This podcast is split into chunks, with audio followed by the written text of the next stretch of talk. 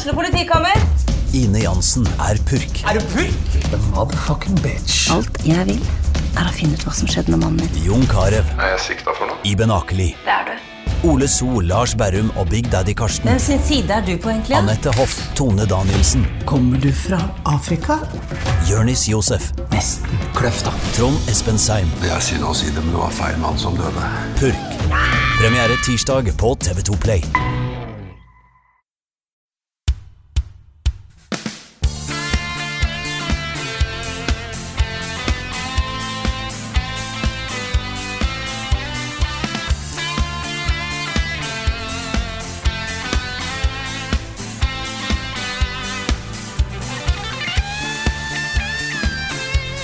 Og da vil vi ønske hjertelig velkommen til en ny episode av podkasten Level Backup. Som for alle dere som sitter og ser på eh, live, så ser dere nå at Carl sitter og tegner. Han kommer til å sitte og tegne alt vi gjør gjennom hele podkasten, faktisk. Eh, hvordan er det å- være så forberedt i Photoshop, Carl? Hva syns du om dette her? Nei, altså jeg har jo øvd meg lenge. Blitt utrolig kjapp, altså. Så nå har jeg allerede tegna dere alle sammen. Oh, shit, og også tegna deg som sitter og snakker om at jeg tegner. Oi. Det Så- er, det er Dette blir eh, litt av et show, altså. Eh, en liten spøk der, men litt av et show blir det uansett, fordi vi har en fullstendig fullstappa eh, eh, Jeg holdt på å si sending, men det er i hvert fall en gjeng med bra folk som er her. I dag har vi med oss Karl Martin Hogsnes, Runefjell Olsen, Niklas Halvorsen og Lars Håkon Stormbakken. Herregud, for en bra gjeng vi er! Og velkommen. Hell yeah! Ganske kule, altså. Men, Oh, yeah. Heter ikke full roster. En Vi er ikke helt full roster, men er liksom ikke ja. nesten full rosters. ja. Ja. Mm, det er ikke langt unna. Ja. Til og med et lite innskudd av eh, Sam. eh, Ja. Over skulderen min, eh, som eh, får lov til å være med på innledningen av podkasten. Dette spilles inn på kvelden, og det gjør vi jo ikke vanligvis. Nei, han, han henger egentlig- liksom bak på skulderen din som en liten sånn papegøye. ja. Ja, jeg, Så alle jeg de som er live, eh, eh, ser det. Ja, ja. vi er ikke live. Vi er Nei, ikke live. bare, Bare, Nei, jeg tulla litt med Frida før du kom på, Carl, at mm. han var liksom mean rowlet på skulderen. Nei, det var en liten joke i starten der, fordi at nå har det jo, det har jo skjedd litt ting i eh, spillnyhetsbildet. Vi kommer sikkert tilbake til det senere, men det er altså da eh, Assassin's Creed Valhalla som ble eh, reveala, og eh, historikken blir jo reveala i en stream der de tegna et eh, utsnitt. Så dette bare vi kommer jo tilbake til det. Vi kommer til å snakke masse om det, så jeg bare tok det nå, jeg, bare så det er gjort. Eh, men, eller, så, men nå kan jeg gå tilbake til det vi vanligvis eh, sier i introen. Hvordan går det med dere, folkens? Det går eh, bra. Vi er jo fortsatt hjemme, og Ja. skolen har åpna. Jeg er litt hes i dag, så, um, ut, men utenom det så går det bra. Ja. Hviskestemme, Karl. Whiskystemme. Er du da, Lars? Alt, eh, alt vel? ja. Jeg svelga eller pusta inn noe jeg ikke skulle pusta inn rett før vi skulle begynne å um, gå live her, holdt jeg på å si. Så, um, Jeg sa det til deg, Lars. det-. Du har fortsatt ikke fått gjelde. Nei, Nei? eh, det er sant. Men eh, det er lov å prøve seg, da. Ja, det tenker jeg òg. Så Så lei at du alltid får sånn her loff på tversdagen, altså. Akkurat, opp nei, akkurat når du skal spille podkast. Ja, typisk. ja. Og Nick. Ja, det går fint. Nå er jeg den derre Den andre dagen hvor jeg ikke er forkjøla. Så er jeg nok forkjøla i morgen, da. Oh, ja. Mm. Ja, For det er så mye fram og tilbake. Uff da. Er det Så. ordentlig greier, eller er det bare litt sånn i halsen? Bare i halsen og nesa og sånn. Åh. Så, så, så nå er jeg fortsatt litt sånn snufsete. Men jeg merker ikke noe i halsen. Nå er det jo allergy times òg, da. Er ikke du Mm. allergi, sånn som meg? Jeg hadde i hvert fall en veldig reaksjon i går. Ja, det, er- ja, det er jo faktisk straks det nå. Ja, jeg mistenker at det er pollen på meg også nå. Ja. Så Det det er jo en, fort en kombo der, altså. Det er masse ting som skjer i eh, nakkeregionen i dag, altså. Nick kjenner noe i halsen. Carl har litt, er litt eh, hes. Eh, Lars svelger noe feil. Og Rune har noe på skuldra. Det er oss. Jeg, jeg har eh, Du, apropos det, når du snakker om det der Jeg har faktisk vært og fått nåler i muskulaturen i nakken i dag, og det var vondt. sånn akupunkturlignende greier. Ja, jeg var hos fysioterapeuten. Du bare sånn der, Ja, jeg har veldig lyst til å bruke nåler, så jeg bare sånn mm, OK. Altså Hvis Altså- det her ikke var, hvis det var, ikke var, aku, var akupunktur, så skulle jeg gjerne likt å høre den historien om hvordan du fikk nåler i skulderen og, nakken og ryggen. Det er ikke mange personer hvor det er greit at de sier liksom 'jeg har veldig lyst til å bruke nåler'. Nei, Ja, ja, ja. det var fysioterapeuten. Kanskje hadde du s- sovna på noen piggsvin. Jeg vet ikke, Det kunne vært hva som helst. Hvis du er glad i å sy. Åh, Det har vært sykt bra. Jeg bare sovna på noen piggsvin. Ja.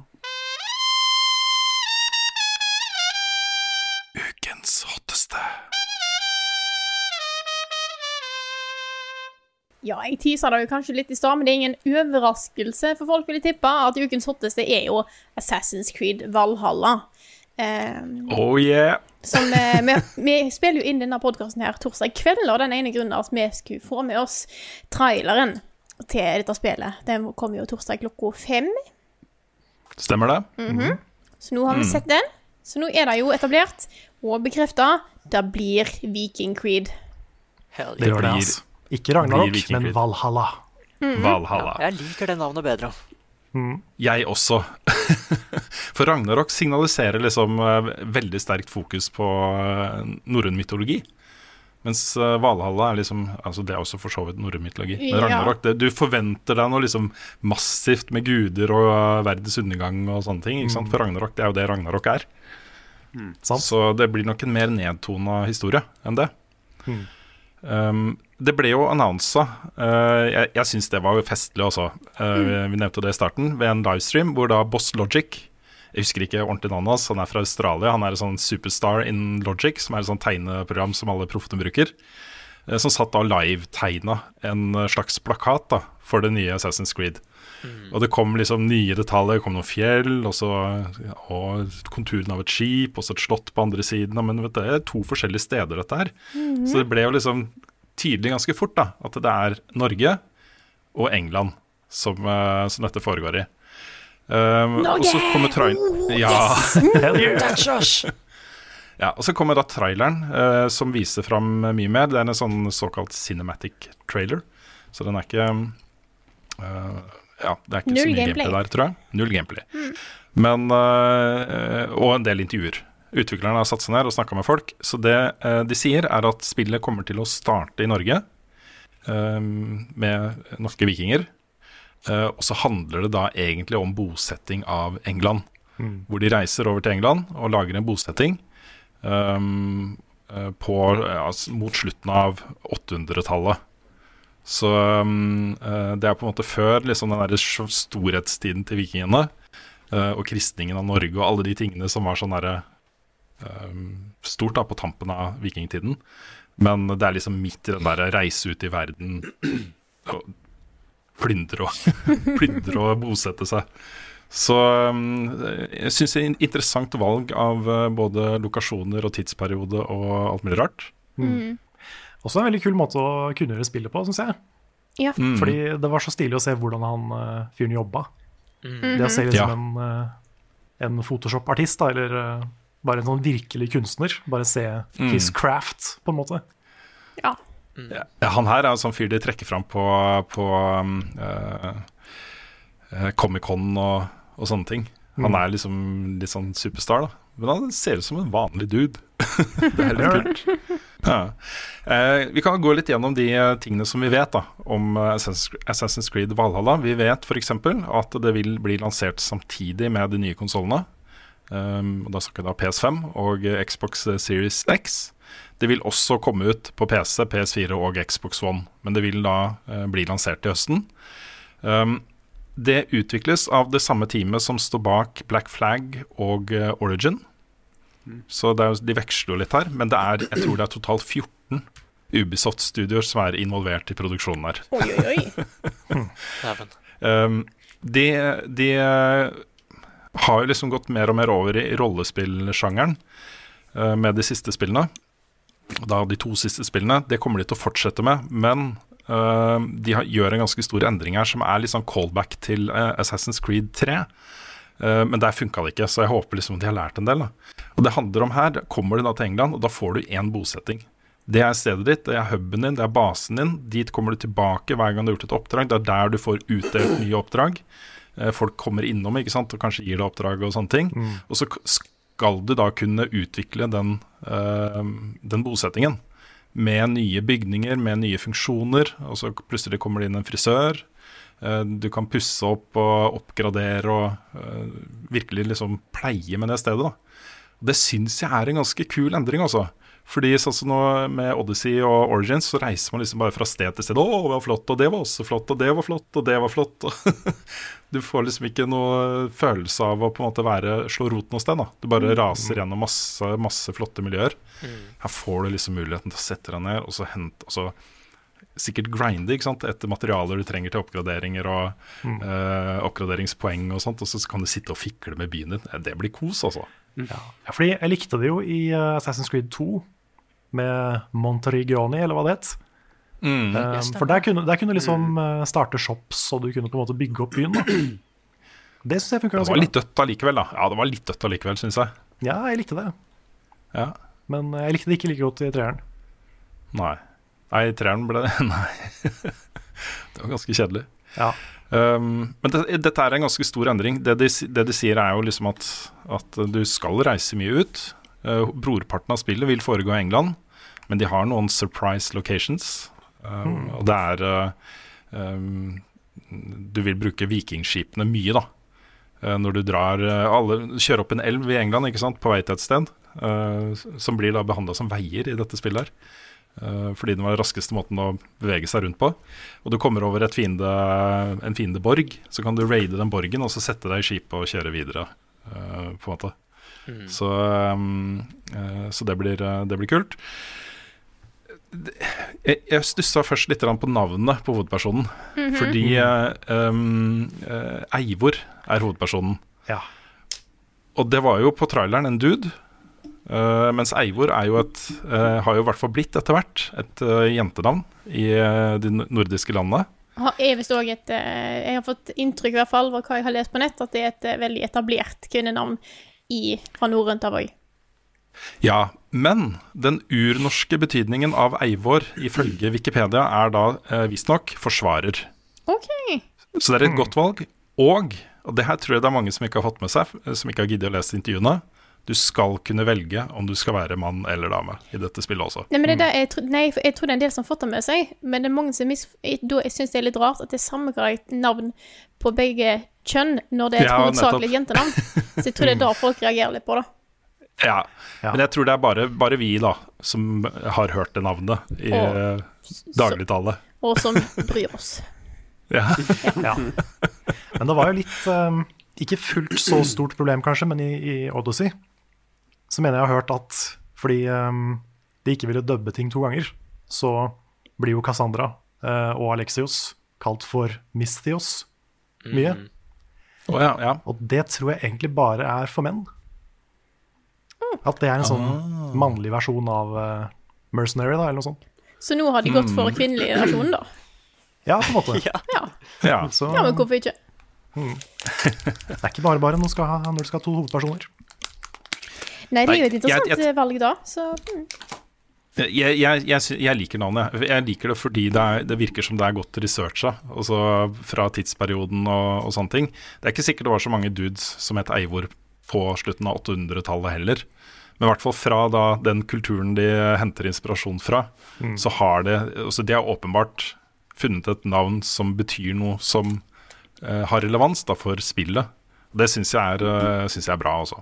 Så får det heller være at det er et jentenavn. jentenavn.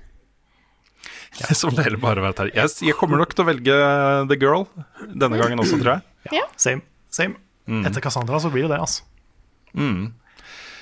Det er eh, Det utviklerne har snakka litt om da, i disse intervjuene, det er at, eh, at han eh, kong Alfred, som jo er en historisk person, han er mest kjent for å ha eh, knust vikingene i England. Det er det han er mest kjent for. Mm. Uh, han, ja, han var jo da konge til han døde i, i 899. uh, men han har et veldig sånn positivt omdømme. Folk kaller han en av de store kongene. Han kalles jo også Alfred den store. Al Alfred the Great. Um, I traileren så er han jo sheriffen av Nottingham. Også veldig sånn karikert bad guy. Ja, bart og Ja, ja, ja. Det var ordentlig morsomt. De sier da, disse utviklerne, at uh, han kommer til å ha mer nyanser i spillet enn det du så i tralleren. Det var litt med vilje, bare for å liksom ha en skikkelig antagonist da, i den uh, stemningen de prøvde å skape der. Så um, ja. han, eh, han er liksom kjent Jeg tror også han ble ganske inspirert av vikingene. For en annen ting de snakker en del om nå, det er jo at Um, den speechen som uh, Alfred den store da, har i traileren, er jo eh, om hvor forferdelige disse vikingene er. Som kommer og bare plyndrer og voldtar og dreper og ødelegger og brenner og sånt. Og så blir det da satt i kontrast med hva eh, faktisk Assassin's Creed-vikingene gjør. Det er jo at de lager liksom flotte bosteder hvor de hjelper folk, og de ber liksom kvinner og barn om å gå og gjemme seg, for nå, skal, nå blir det krig her, liksom. og det er ordentlig sånn greie og snille og sånt. Og det er jo fakta. Eh, vikingene tilførte utrolig mye sånn positiv kultur de stedene de bosatte seg. Etter at de hadde plyndra, da. Ja. Etter at de hadde kommet og plyndra. De var jo mye handelsmenn òg. De har jo vært veldig mye rundt omkring i Europa og eh, handla med folk. Så Mm. vikinger drev ikke bare med plyndring, men det er nok sikkert litt plyndring eh, i Assassin's Creed Valhalla, så du får litt action. Ja, det må nok Ja, det må være det. Jeg har jo en britisk venninne. Eh, Jeg driver og tenker sånn Hvis vi hadde spilt det her samtidig, kommer det til å bli awkward? ja, det er et godt poeng, Karl. Ja, Det kanskje det blir poeng. sånn shit. Det i- for, forfedrene mine gjorde dette mot forfedrene dine, liksom. Ja. Ja, men Hvis du drar til England i dag, da, så er det jo massevis av sånn turiststeder eh, ved de gamle vikingbosettelsene.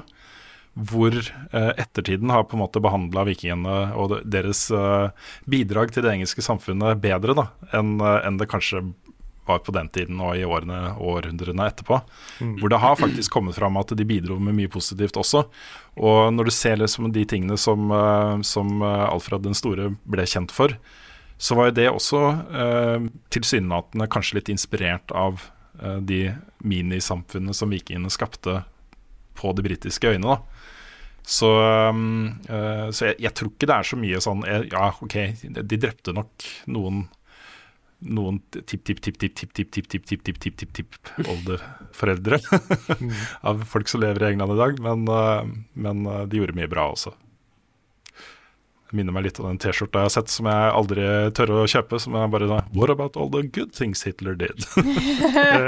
Eh, ja, nei, det var litt, er litt eh, Det er elementer av det. De var jo ganske fæle på mange måter. ja, Ja, ja, ja. Og så er det jo et par andre elementer. De eh, har jo, eh, skal jo ha med norrøn mytologi. Eh, I traileren så får du det eksemplifisert ved at Eivor da, de er i ferd med å tape slaget, og så ser han plutselig Odin på slagmarken. Um, og, det, um, og ørnen, da, som kommer til å følge han eller henne i spillet. Ja, fordi Odin så litt ut som en assassin. Ja, det som, eh, det som er tingen er at vikingene i norrøn mytologi så var jo, tok jo på en måte ofte gudene eh, menneskeskikkelser og gikk på jorden som vanlige folk. Det er jo på en måte litt sånn de forholdte seg eh, til de gudene. Um, så det kan godt tenkes at det var Odin. Uh, eller det kan være liksom uh, ja, en assassin eller også, ja, et eller annet annet. Men det snudde jo slaget til Eivors favør. Så um, um, ja, jeg, jeg syns det er interessant også at de uh, har med norrøn mytologi. Og der ligger det mange muligheter for en link da, til, uh, til denne eldgamle sivilisasjonen som skapte menneskeheten. Som jo er en sentral del i Assassin's Creed fortsatt, også i Odyssey. Um, og da tenker jeg liksom både Valhall og uh, de norrøne gudene og den teknologien i anførselstegn som Thor med hammeren kunne bruke sanne ting. da. Her er det en del sånne utrolig spennende linker til den gamle sivilisasjonen som, eh, som jeg gleder meg til å se mer av. Jeg er veldig spent. Jeg er sjukt spent. Ja, det, Det er eh, Ja. nei, det, det, det, skjer noen, eh, det skjer noen ting i slutten av Odyssey som har gjort meg mm. så hyped på det som kommer til å skje nå. Uh, og så er det det at dette er jo satt uh, Hvis vi ser på det sånn kron kronologisk, dette er jo det spillet før det første Assassin's Creed, liksom settingmessig. Um, Mm. Så nå er vi liksom tilbake Det var jo en ting jeg lurte veldig på. Bare hvorfor dro vi helt til antikken Hellas, ikke sant? Lenge, Mm. lenge før The Creed. Og vi fikk, en vi fikk en forklaring på det, og nå er vi liksom tilbake i The Assassin's Creed uh, offisielle timelinen, i hvert fall. Mm. Nei, så jeg, jeg er veldig spent. Jeg, jeg husker at vi lagde disse listene over spill vi gleda oss mest til i år. Jeg hadde ikke Assassin's Creed eh, som jeg trodde het Kingdoms eller Ragnarok da, så høyt på lista, men så fort jeg har nå sett det, sett hva det kan bli, liksom, nå er jeg kjempespent. De har jo også bekrefta at uh, det kommer til å være en nåtidshistorie som er spillbar. Så det blir jo litt sånn som de forrige, tipper jeg. At du har hun dama. Hva heter du igjen? Husker du det, Nick? Nei, Åh, faktisk ikke. det, jeg, jeg er jo den som har det friskeste Maya? minnet, men jeg husker det ikke. Jeg husker, i- ja, kanskje det var noe sånt. Da, Jeg husker ikke hva hun het, men, eh, men i hvert fall hun som du kuttes til av og til liksom, i historien. Ja, Ja. hm, holdt jeg på å si Amaya, men det er Devs. Uh, nei, nå er jeg faktisk ikke sikker. Nei. Men jeg har i hvert fall fått eh, Det er så rart òg, for jeg, jeg har bedt om tre bestemte settinger til Assassin's Creed, og nå har jeg, har jeg fått alt. Ja, du har ja. Nå har jeg faktisk fått alt. Mm. Så jeg får ikke lov til å be om noe mer nå, egentlig. Nå er liksom Nei, nå kan de bare pakke sammen og gå, egentlig. ja, det, Jeg vet ikke hvor de kan ta stedet nå som hadde vært spennende. Kanskje i den originale. Den originale, liksom. Den, den første sivilisasjonen. Kanskje et eller annet der. Mm. Jeg kommer og hjelper deg. Ja, ellers så, Det er mange som ønsker seg eh, Føydal-Japan, men det er liksom, vi har fått så mange Føydal-Japan-spill nå. Ja. Ja, Nå har vi liksom Nio, Sekiro og Ghost of Tsushima. Ja, og jeg føler at det, liksom, det er en spennende periode, men det er ikke spennende for Assassins. For der var det jo Assassins som vi veit om. Mm. Ninjaer og sånn. Det er mye mer kult hvis det er i vikingtida, fordi men var de der òg, liksom? Gjemt i historien? ja. Ja. Det, det er åpenbart at de var i Japan. Mm. Det går et annet rykte om, eh, om eh, Valhalla som, eh, som jeg syns er interessant å nevne. Og det er at Også ryktet går på at dette spillet vil ikke bare foregå i Norge og England, men i store deler av Nord-Europa. Og her kommer jo på en måte DLC-filosofien til Ubisoft inn i bildet. Hvor eh, du har muligheten da til å ta disse vikingskipene og bare reise til noen andre steder i Europa. Eh, og her, Det kan være hva som helst, da. Fordi vikingene reiste jo helt ned til, eh, til Middelhavet og helt over til, eh, til eh, USA. Og det var liksom ikke grenser for hvor langt de kunne nå da med disse skipene sine. ikke sant? Oi, oi, oi. Der ligger det noen muligheter som jeg syns er utrolig utrolig spennende. Også. Kanskje vi skal til Vinland? Oh, Vinland! Kanskje det, kanskje det. Så ja. Nei, det er eh, Jeg føler at eh, det har blitt liksom en ny vår for hele Assassin's Creed-serien. Og det er Jeg er tilbake igjen. Eh, Jeg vet mange andre er tilbake igjen. Eh, Og etter liksom en serie med spill som, som ikke fenga, da. Og så, OK, det er greit, noen likte dem. Noen likte Assassin's Creed 3, noen likte Unity, noen likte Syndicate. Men jevnt over så var det en litt sånn derre Hva er det Ubisoft gjør nå med denne serien her? Følelse da, som satte seg. Uh, og det at de kom tilbake med Origins, og så igjen med Odyssey, og så presenterer dette her, da, som bare ser så sjukt lovende ut. Det er litt sånn hatten av for Ubisoft, altså. At de klarer å snu det. For det er ikke lett. For Nei, da må du syns, skape uh... utrolig mye entusiasme i teamene for å liksom få det til å bli skikkelig bra igjen. Da. Jeg syns Syndiket var ganske bra. Um, men det var jo litt sånn Det føltes litt som om historien kanskje var litt på pause. At det var en sånn filler-episode, nesten. Og Nettopp. det, sånn har jo mange av spillene vært i det siste. Var det Unity som var fullstendig broken? Ja, Ja. det var det.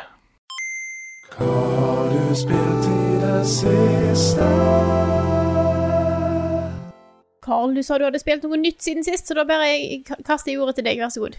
Fjom. Jeg har spilt noe som er så nytt. Det kom i dag for oss. Wow.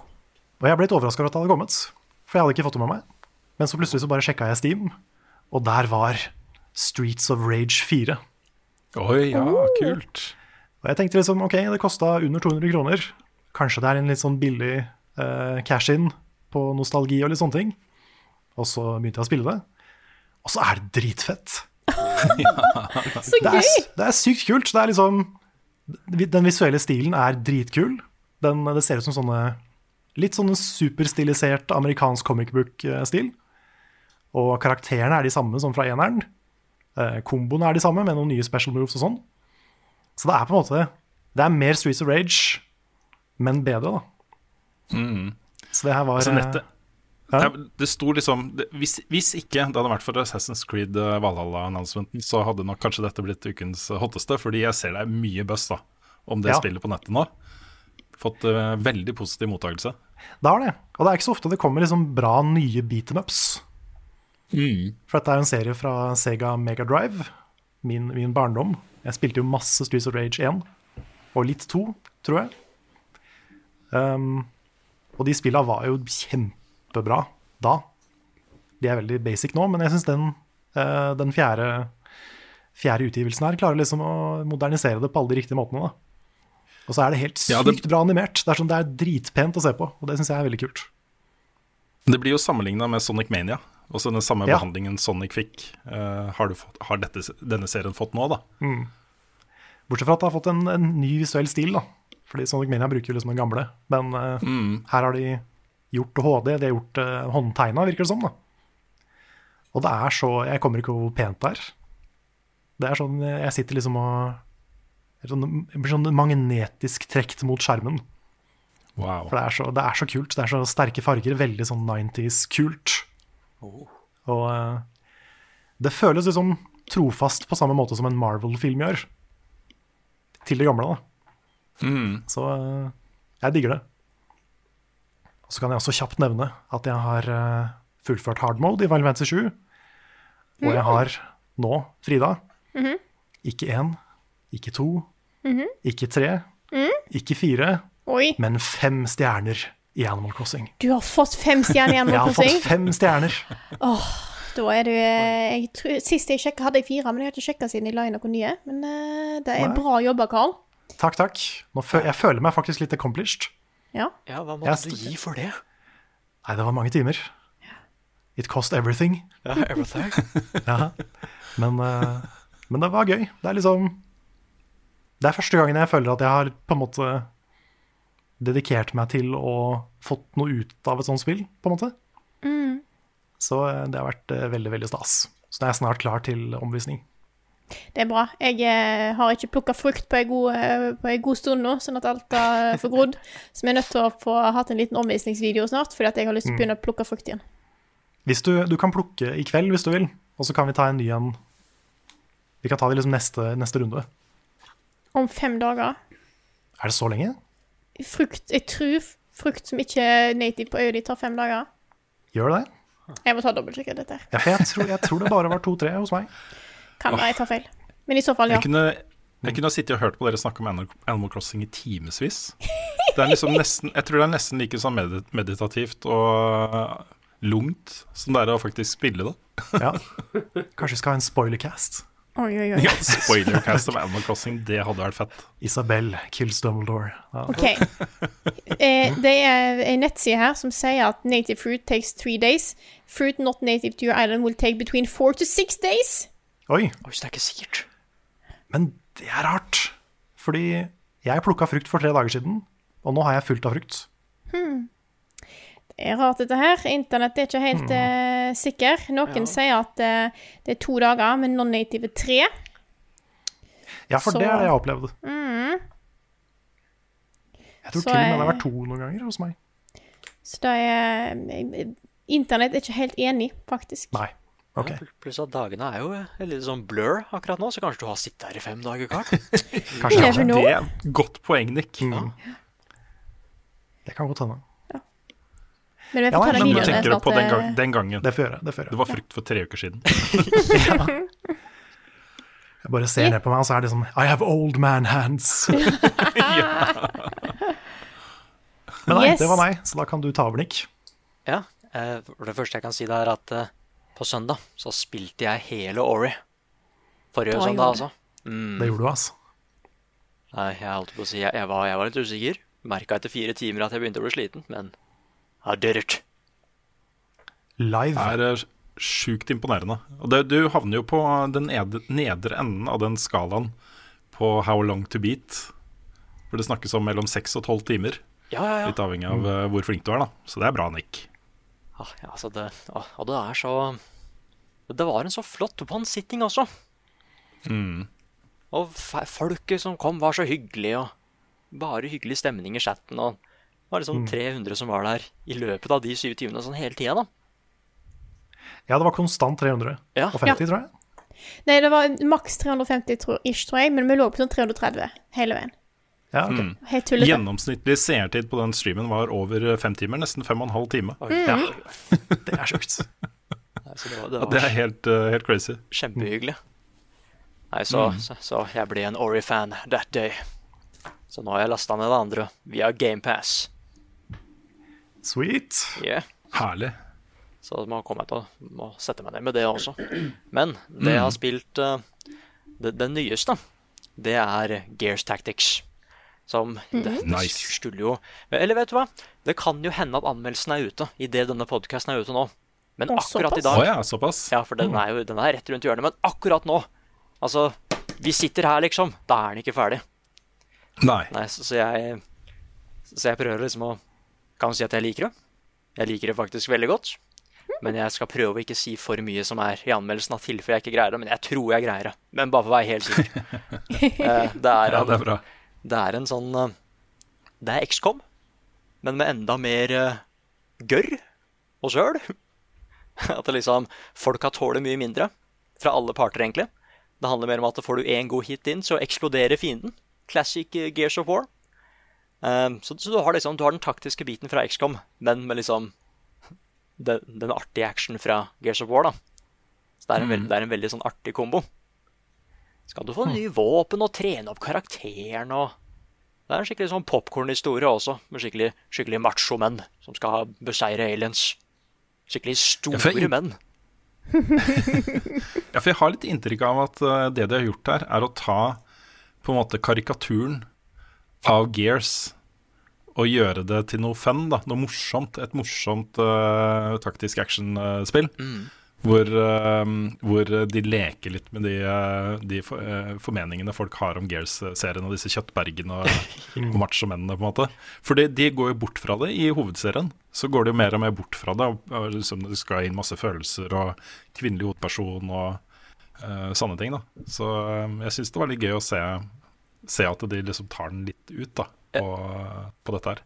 Ja, fordi det er, det er bokstavelig talt en scene som starter sånn her. Sure, we need you back in the fold. No, man, I'm too old. I'm a mechanic now. But you are the best of us. Not anymore. Men, men, så, men så skjer det et eller annet, og bare OK, da. Jeg får vel gå ut dit og kicke ass nok en gang. Let out some steam, Bennett. ja, og jeg var bare sånn Først så syntes jeg det var litt teit. Men det var nesten som at de så på kameraet og sa det. ikke sant? Bare We need you. Ja. You were the best. Nei, og, Damn it, Lieutenant, you used unnecessary force. Is there any other kind? ja. Nei, så jeg bare Jeg, els, jeg elsker liksom hvor actionman det er, da. Og, de- og de, de, de veit det. Og sånn er det hele veien. Uh, for jeg har ikke spilt så mye Gears of War. Jeg, jeg, jeg har starta liksom på det første for lenge siden, men jeg har aldri spilt ferdig noen av spillene. Jeg kan egentlig veldig lite om den serien. Men jeg syns fortsatt det er greit å bare hoppe inn her. da At eh, ja, det er noen aliens som angriper. Og du spiller på starten av denne konflikten. The Locust War, som det heter. Nei, så Nei, så uten å spoile for mye, jeg liker det veldig godt. Og da, er, da håper jeg anmeldelsen er ute før den podkasten her. Det, det er sånn, Først så var det fordi at jeg ble Jeg måtte syke meg opp til Ori. Men så på onsdag så var det plutselig snakk om at det skulle dukke opp en Assassin's Creed-teaser på en eller annen måte. Og da måtte jeg få med det òg. Jeg følte meg som en liten kid, for jeg ble distrahert. bare, Oi, det bildet var pent. Jeg bare, det, bare det, det skjer mye kult i Photoshop, og da ble jeg litt sånn Da satt jeg litt fast der, da. Kan jeg, kan jeg skyte noe om det? Bare en Photoshop-bilde? Logic. Log Logic? ja, Logic. Ja, sorry. Ja, Logic. Ja, det er ikke Photoshop. Er det ikke det? Nei. Nei, ok. Nei, Det, er det, er et, eh, eh, ja, det programmet heter Logic. ja, jeg syns det bildet er så mye kulere som cover enn coveret. Jeg syns ikke Ja, coveret er like stilig i det hele tatt. Nei, det, det kan hende at det coveret er sånn placeholder-cover, eller er det håper confirmed at det er ja. Ja, har, det- det, det- har det dukket opp noe cover? Ja, det er det. Så det, det coveret som han faktisk tegna, syns jeg er så mye kulere. Så jeg håper de bytter. Ja, men da trenger vi et så langt eh, cover, Carl. Ja, For det er jo to det sider. er jo vits.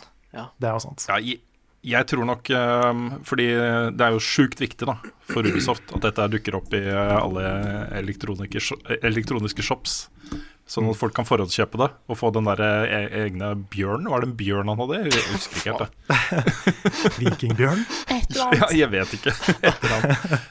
Og da må de ha et cover, ikke sant? så jeg, jeg, tror, eh, jeg tror vi kan anse det for å være en placeholder-cover. Hello, I am Vikingbjørn.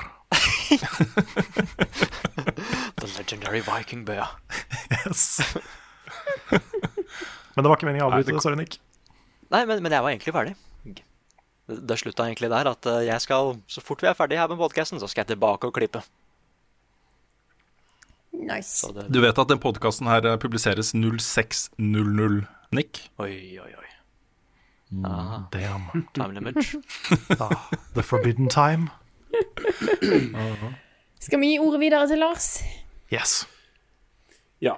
Jeg vet ikke om jeg har så mye å bidra med, men det jeg har spilt uh, veldig mye, er faktisk uh, Uno på mobil. Oi. Yes. Det er jeg er blitt hekta, rett og slett. Du, hav, du havna i Uno-hølet, rett og slett? ja. ja, det er sånn Jeg vet ikke når det kom, eller om det, hva det var en del av, eller om det er Arcade, eller hva det er. Jeg husker ikke noe. Men eh, jeg har nå iallfall installert det og kjører på. Så Hvis det er én ting vi vet, så er det at Uno, det er gøy. ja. Og da er ikke Det er, tull. Nei, det er faktisk ganske gøy. Og så er det sånne mikrotransaksjoner og sånn i det. Men det har jeg ikke hatt I noe problem med at jeg må gjøre. Ja. Har de Hva kjøper du da? Oh, ja, det er Nei, det er noen sånne, sånne eh, Er det diamonds, eller hva er det det heter for noe? Er det sånne ting du kan ha da for å få ting Jeg klarer ikke å forklare det.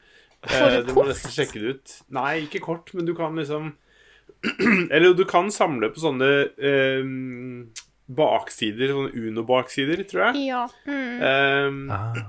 men der har jeg fått noen gratis, og så er det Det er noe sånn diamond, eller et eller annet sånn herre Og sånne coins. Du må ha coins for å få lov å liksom være med i en match. Men de coinene har jeg fått mange av, så det har ikke vært noe problem. Eh, Foreløpig. Ja.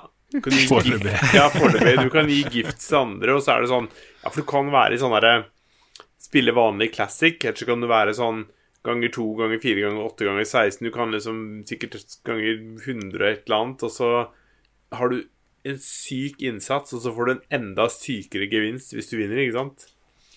Så um, ja, så kan du kjøpe sånne skjold som gjør at du kan beskytte pengene dine, sånn at hvis du taper, så mister du ikke pengene dine og sånn. Ja. OK. Men eh, jeg har fint klart å spille uten transaksjoner, og det er fortsatt gøy. Så mm. Ja. Yeah. Vi streama jo Uno for noen uker siden. Det var eh, gøy, det. Ja. Ubisoft Uno. ja. Ja, faktisk. Eh, Bortsett fra det så har, spiller jeg jo um, Last of Us på stream.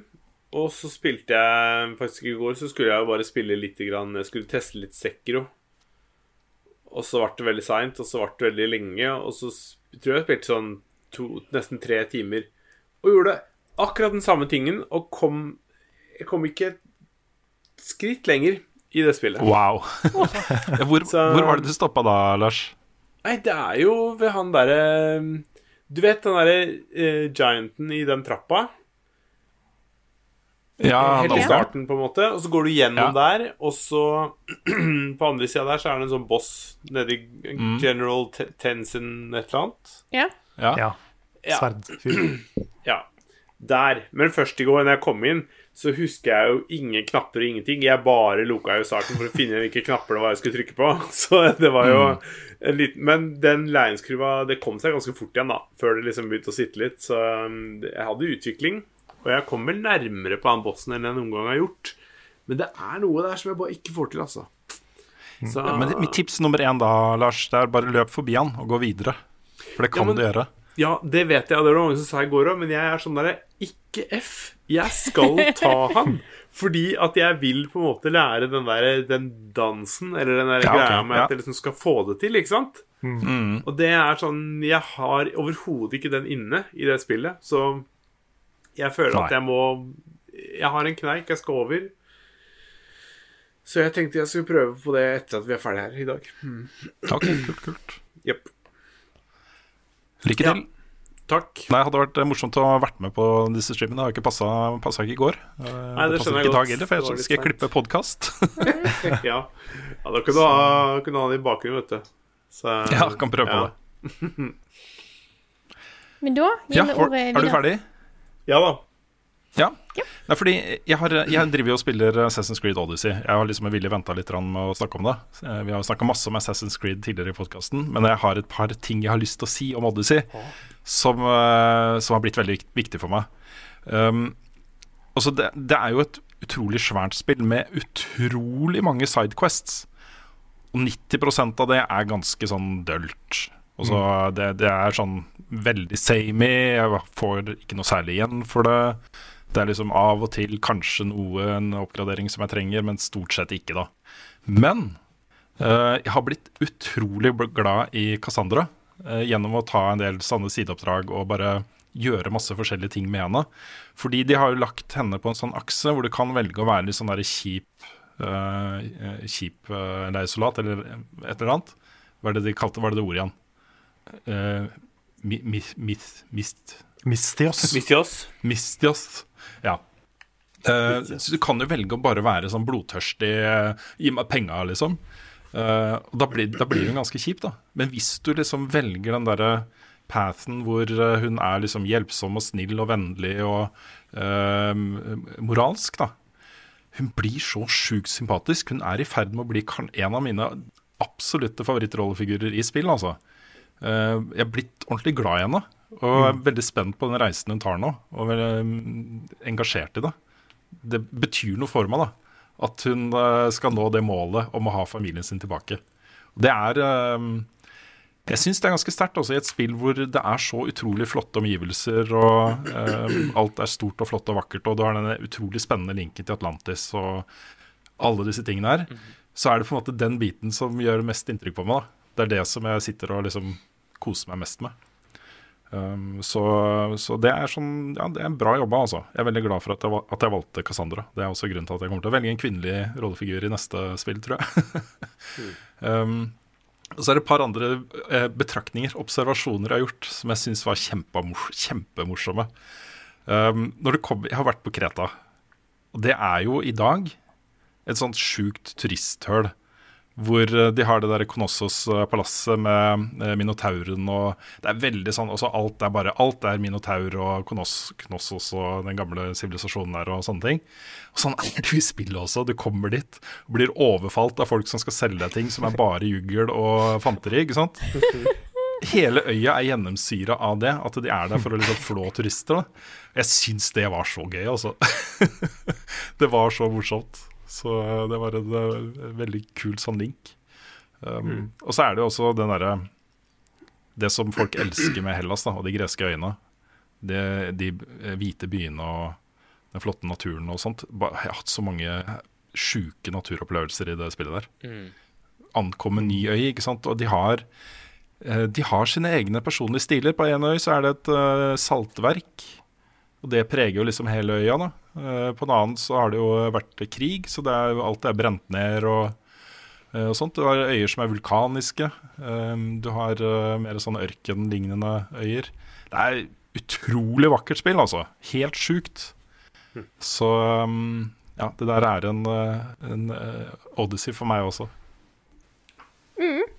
Yes. Ja. Da tar jeg Da tar jeg over, fordi at jeg, sånn som deg, Rune, holder på å prøve å eh, ta igjen spillopplevelser jeg burde Kanskje burde fått med meg før.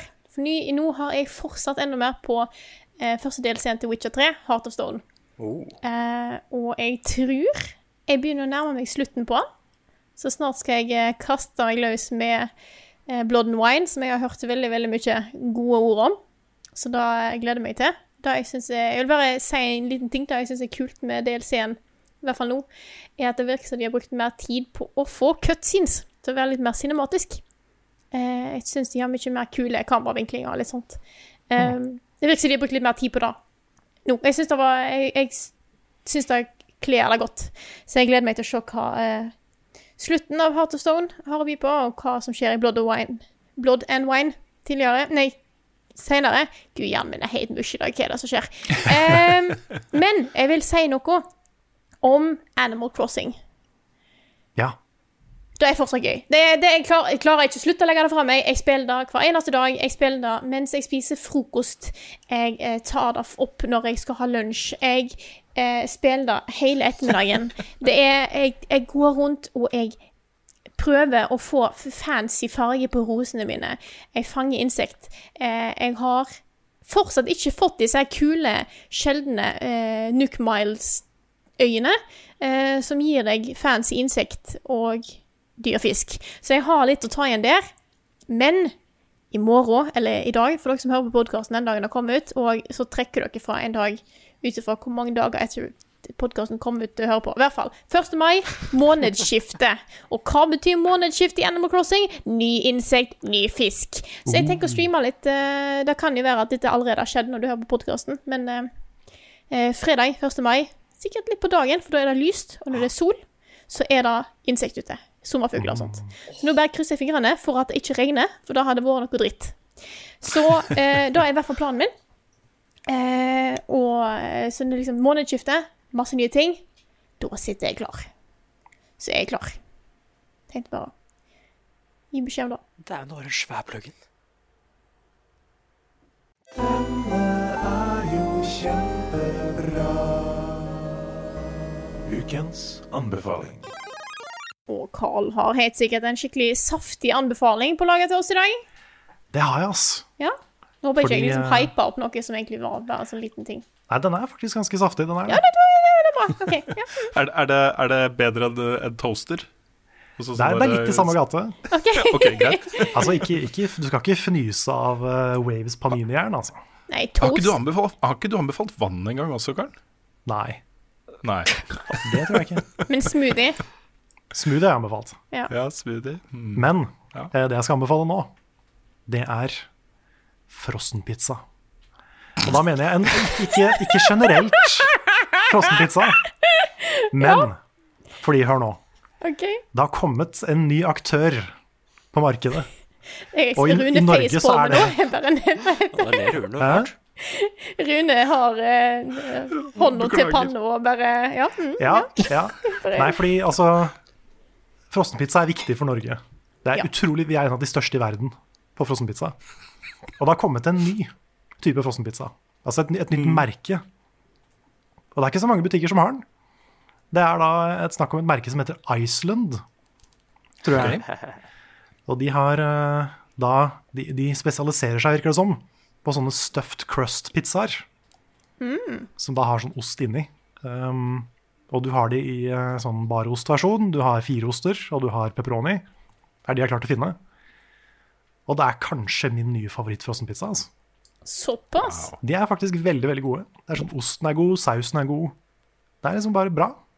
Hvor kjøper du Så jeg bare tilfeldig kom over dem på en bensinstasjon en gang og bare Jøss, den har jeg ikke sett før. Så må jeg prøve.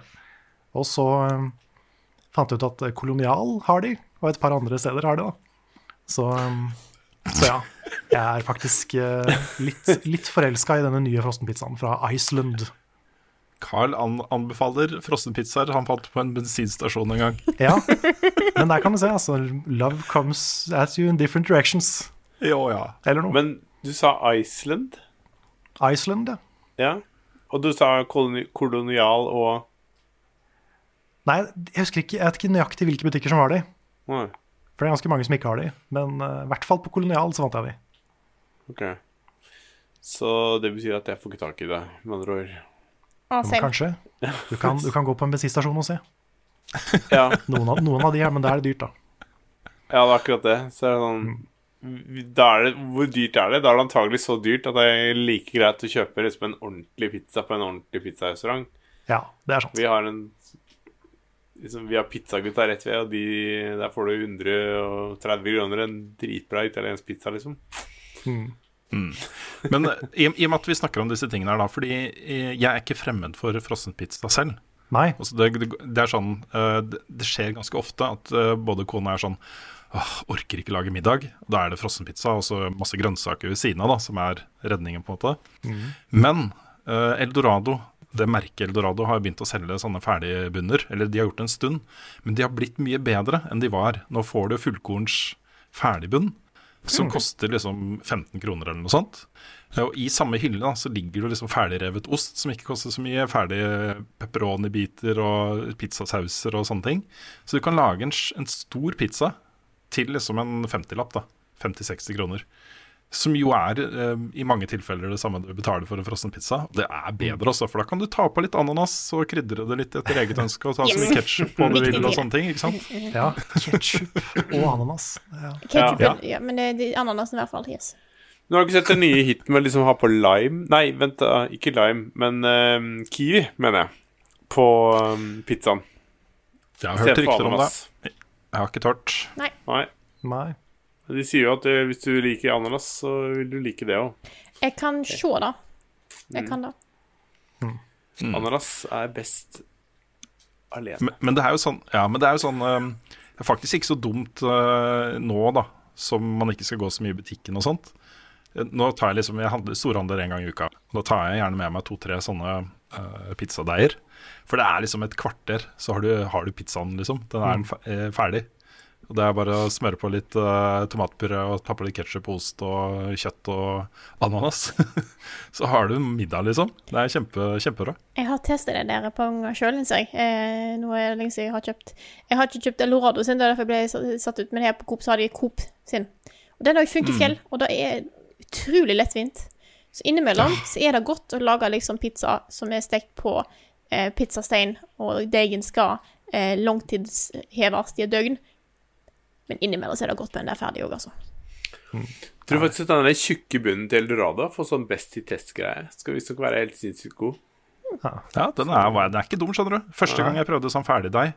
Fordi jeg, har, jeg er veldig glad i hjemmelagd, hjemmelagd pizza. Jeg lager en ganske god pizzadeig. Ikke sånn der langtidsheving og med sånn der nullgjær... Nei, nullmel, eller hva det heter. Ja.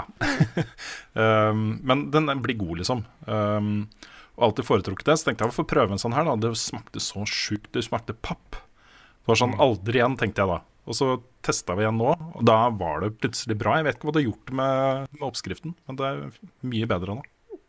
Ja, nice. Min uh, favoritt hjemmelagde pizza, det er uh, kjøttdeig og um, sånne røkte kjøttpølsebiter. Og så litt forskjellig ost, tortillachips og litt tomatpuré da, i sausen. Det er damn good. Her kommer nyheter med Rune Fjell-Olsen, og han har ikke hår. Ja, Det er mange som har gått og venta på eh, den announcementen her. Eh, torsdag neste uke, 7. mai, eh, så blir det endelig den pressekonferansen vi har eh, gått og gleda oss til og venta på. Da skal da norske regjeringen ha den neste koronapressekonferansen sin. Ja. Å, jeg gleder meg. Og Tror du de skal vise God of War? Nei, ok, greit. ja. samme dag skal Microsoft endelig vise fram Xbox Series X. Og spill. De skal vise fram spill. Ja. Ja. Gameplay. Tror du de skal vise Ja. fram Elden Ring?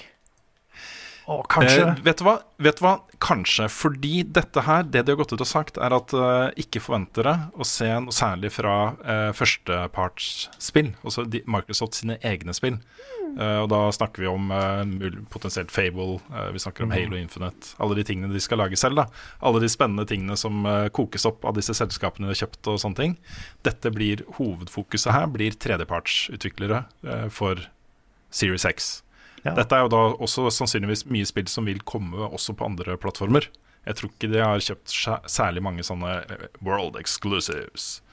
Um, World premiere. ja, det blir det nok mange av. Ja. Vi får se litt gameplay fra, fra Valhalla, da. Det garantert. Garantert. Mm, jeg har ikke tenkt på, det sant. Mm. Så, nei, fordi eh, Det blir jo sagt, Ubisoft sier jo selv også at det er, vi trenger ikke vente lenge på å se gameplay fra Valhalla. Så That's the hint. Uh, That's the hint. Eh, det er da klokka 17.00 norsk tid. Det kan vel tenkes at vi bør prøve å få til en eh, aldri så liten stream den dagen. Absolutt. Ta litt sånn etere-fil. Var det klokka Um, 17, sa du? klokken 17 på torsdag neste uke. Eh, Microsoft sier også at, eh, at eh, de jobber hardt eh, og inderlig med et eh, eget eh, event for sine egne spill til sommeren. Og det er jo alt da fra juni til august, ikke sant, i det tidsrommet der. Eh, men de, i, i annonsementen her også så, eh, så gjentar de da lansering eh, Holiday 2020. Så um, det, er, det virker som de er i ferd med å committe seg til det nå, da. Og det er bra. Ja, nå går de for det. Mm. Ja, ja, for tingen er hvis bare Sony gjør det, eller hvis bare Microsoft gjør det, Mm. så sliter jo den andre. Ja. Så kanskje de ikke tør å utsette. Nei, jeg, jeg, jeg tror de har bestemt seg nå. Jeg tror de har bestemt seg nå Åh, Så det det høres veldig sånn ut, altså. Dette er riktig tidspunkt å si at vet du hva, vi får det ikke til allikevel. Mm. I, i august-september er det for seint. Så Ja. da blir folk sure, ikke sant. Ja. Men eh, det, dere, det vi kan forvente oss da av den pressekonferansen, eh, som jo da selvfølgelig vil være digital de, Se for dere E3-pressekonferansene minus Microsoft sine egne spill. Og det har alltid vært mye. Det har vært mye Battlefield og Call of Duty og Assassin's Creed og sånne ting. da Jeg tror det er den type ting vi får se. Svære tredjepartsting som bla, bla, bla. Pluss noen mindre greier. Så det blir spennende. Det er det nå av ballen i, eh, på Sonys eh, banehalvdel. Hva kommer de til å gjøre, og når kommer de til å gjøre det? Vi, eh, det jeg tror ikke det er så lenge til det heller, altså. Um, samtidig så sier jo nå Nintendo at uh, deres tradisjonelle Nintendo Direct E3-event blir utsatt til senere i sommer. Um, begrunnelsen er eh, offisielt at eh, de trenger mer tid til polish på sine egne eh, spill, det de skal vise fram. Um, de oppfordrer de som skal gi ut spill på Switch og 3DS eventuelt, da, til å vente og bli med på showet, liksom. Men de sier også at hvis dere har lyst til å Eller føler at dere har lyst til å slippe informasjon tidligere, så bare gjør det. Det er greit for oss. Litt sånn passivt aggressivt, nesten. Da, eh, da kan enten Da tolker jeg på to måter. Enten litt passiv-aggressivt, eller eh, Vi har så mye greier, så det kommer til å gå fint. Ja da, men det, de har jo noen titler som er Switch-eksklusive, som eh, folk går og venter på.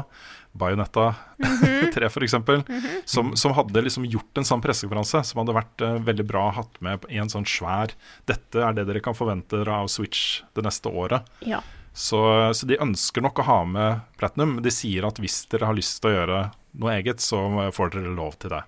Så det er vel liksom det som er budskapet, da. Uh, fra før av så vet vi at uh, PC Gaming Show vil gå som planlagt eh, under det som da ville vært E3-uka. Eh, vi vet at Betesta har sagt de ikke kommer til å ha et show da. Eh, vi har vel ikke hørt noe fra Ubisoft og EA hva de skal gjøre på E3. Jeg har i hvert fall ikke registrert det. Det kan hende det har gått meg litt hus forbi, men det Ja, det ja, de har vel sagt at de skal lage et uh, event, men jeg, jeg er ikke sikker på om de har, uh, forplikta seg til å ha det denne uka. Okay. Det vet jeg ikke. Ja, men de må jo lage noe. Ja. Ja, de skal lage noe, det har de sagt. Trenger en oppfølger. Jeg kan ikke bare leave hanging like that. Nei, nei, nei. Mm. Nei, så, eh, så dette her blir jo en sånn eh, situasjon, tror jeg, hvor uh, veldig mye av det som normalt sett ville blitt vist fram på E3, kommer til å bli vist fram enten for seg selv uh, Det har du sett mye det siste året, egentlig. At, uh, at nye spill eh, også nye spill i populære serier da, har fått sitt eget sånn to timer lang livestream med avduking, og de sitter og spiller og snakker med team, og du er liksom på gulvet da, i studio hvor uh, dette spillet lages. Og det er veldig gode events, altså. Da får du Det er veldig fanservice. Um, så jeg tror nok folk har registrert at det er en god og effektiv måte å avduke nye spill på. Så um, ja. Jeg tenkte å ta et spørsmål der, fra uh, en nestor i norsk spillindustri, Linn uh, eh, Sovig, Søvig, som um, uh, har sendt oss et spørsmål på Facebook. Og hun skriver da Jeg hadde likt å vite hva dere forventer fra en digital etere. Blir det noe å forvente fra de vanlige aktørene, eller blir det spredt over sommeren på respektive kanaler? Og hva skjer med oss forbrukerne som er blitt vant med å glede oss til etere? Hva har vi å glede oss til nå? Um, og så skriver hun en disclaimer i parentes. I tillegg til å være en gamer, jobber jeg også med spillutvikling og er nysgjerrig på disse tingene fra begge perspektiv. Hun, uh, hun jobber nå med, uh, på teamet som lager uh, det norske spillet Dwarfheim. som ser kjempebra ut. De har nylig fått masse støtte fra investorer, så det her kan bli en ganske svær ting, altså. Men det er relevante og gode spørsmål. Jeg, jeg, jeg tror Jeg tror at den Hva skal man si Det behovet for den hypefesten som heter her, og sånne svære events her, satt opp mot å få en, liksom en jevn strøm, da. Med kule, kule pressekonferanser fra de forskjellige aktørene litt sånn spredd utover. Jeg, personlig tror kanskje jeg ville foretrukket det siste, altså. Det er vanskelig å si, og jeg tror jeg har diskutert det før. Men jeg syns at E3 forbrukermessig er en kul ting. For det som skjer, er da at måtte, du har alt søkelyset på spillmediet samtidig. Det blir en veldig Mm. stor ting, det er en veldig kul ting å ta del i. Eh, da liksom få det med seg, og få med seg alle nyhetene live. For det, måte, jeg vet at nå, hvis jeg følger med nå, så får jeg med meg det viktigste som skjer framover. Og da syns jeg har vært en litt sånn koselig ting, men det er vanskelig å Det er vanskelig å si hva som skjer med E3 nå, altså. Ja, kanskje flere av pressekonferansene blir eh, på, normale tider hvor vi er våkne? Ja, kanskje det det. kan jo være en, en, kanskje en ting. Ja. Da ja, det kanskje både greit, ja. Mm. Ja. Men det er altså For min egen del, jeg merker at jeg syns E3 er kos litt fordi vi gjør det til det, på en måte. Ja. Det at vi samler gjengen, vi eh, sitter seint oppe og streamer, reagerer. Det er sånn, jeg synes Hele den pakka er gøy, da. Mm. Så det kommer jeg til å savne. enig da. Hvis ikke Ja. E3 fortsetter. Men jeg er litt redd for at eh, dette er slutten på E3. Det er Mm. litt mm. Da jeg vet jeg liksom OK, den, disse dagene her, da vet jeg at det sannsynligvis dukker opp et eller annet som gir meg skikkelig, skikkelig hyped. Mm. Og hvis det ikke blir det, så blir det på en måte Ja, det kan dukke opp når som helst ellers. Eh, men Ja, da er det ja, mindre, tenk da er det mindre sjanse Altså, det- for at jeg sitter der og følger med på at det skjer live.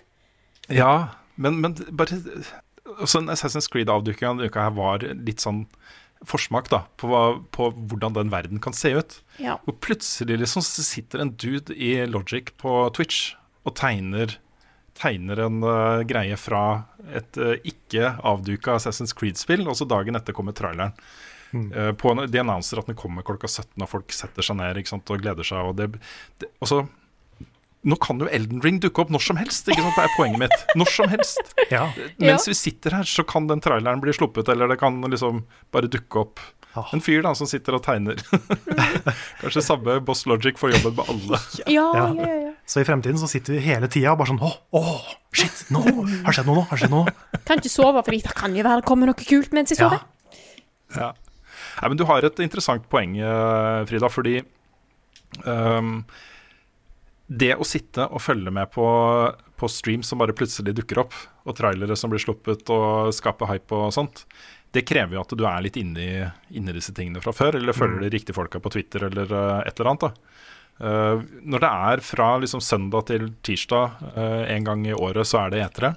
Uh, tettpakka med pressekonferanser og massivt slipp av nye trailere og masse pressemeldinger og tjo og hei, så, så får man en veldig sånn konsentrert bilde av spillmediet. Mm. Um, ikke et sånn 100% korrekt bilde av spillmediet, det er liksom basert på hype og på um, blockbuster-greier som tar mye fokus og sånt. Definitivt. Men allikevel et ganske godt bilde, da. Og det, det forsvinner jo, da, hvis uh, ting blir bare spredt utover hele året, på en måte.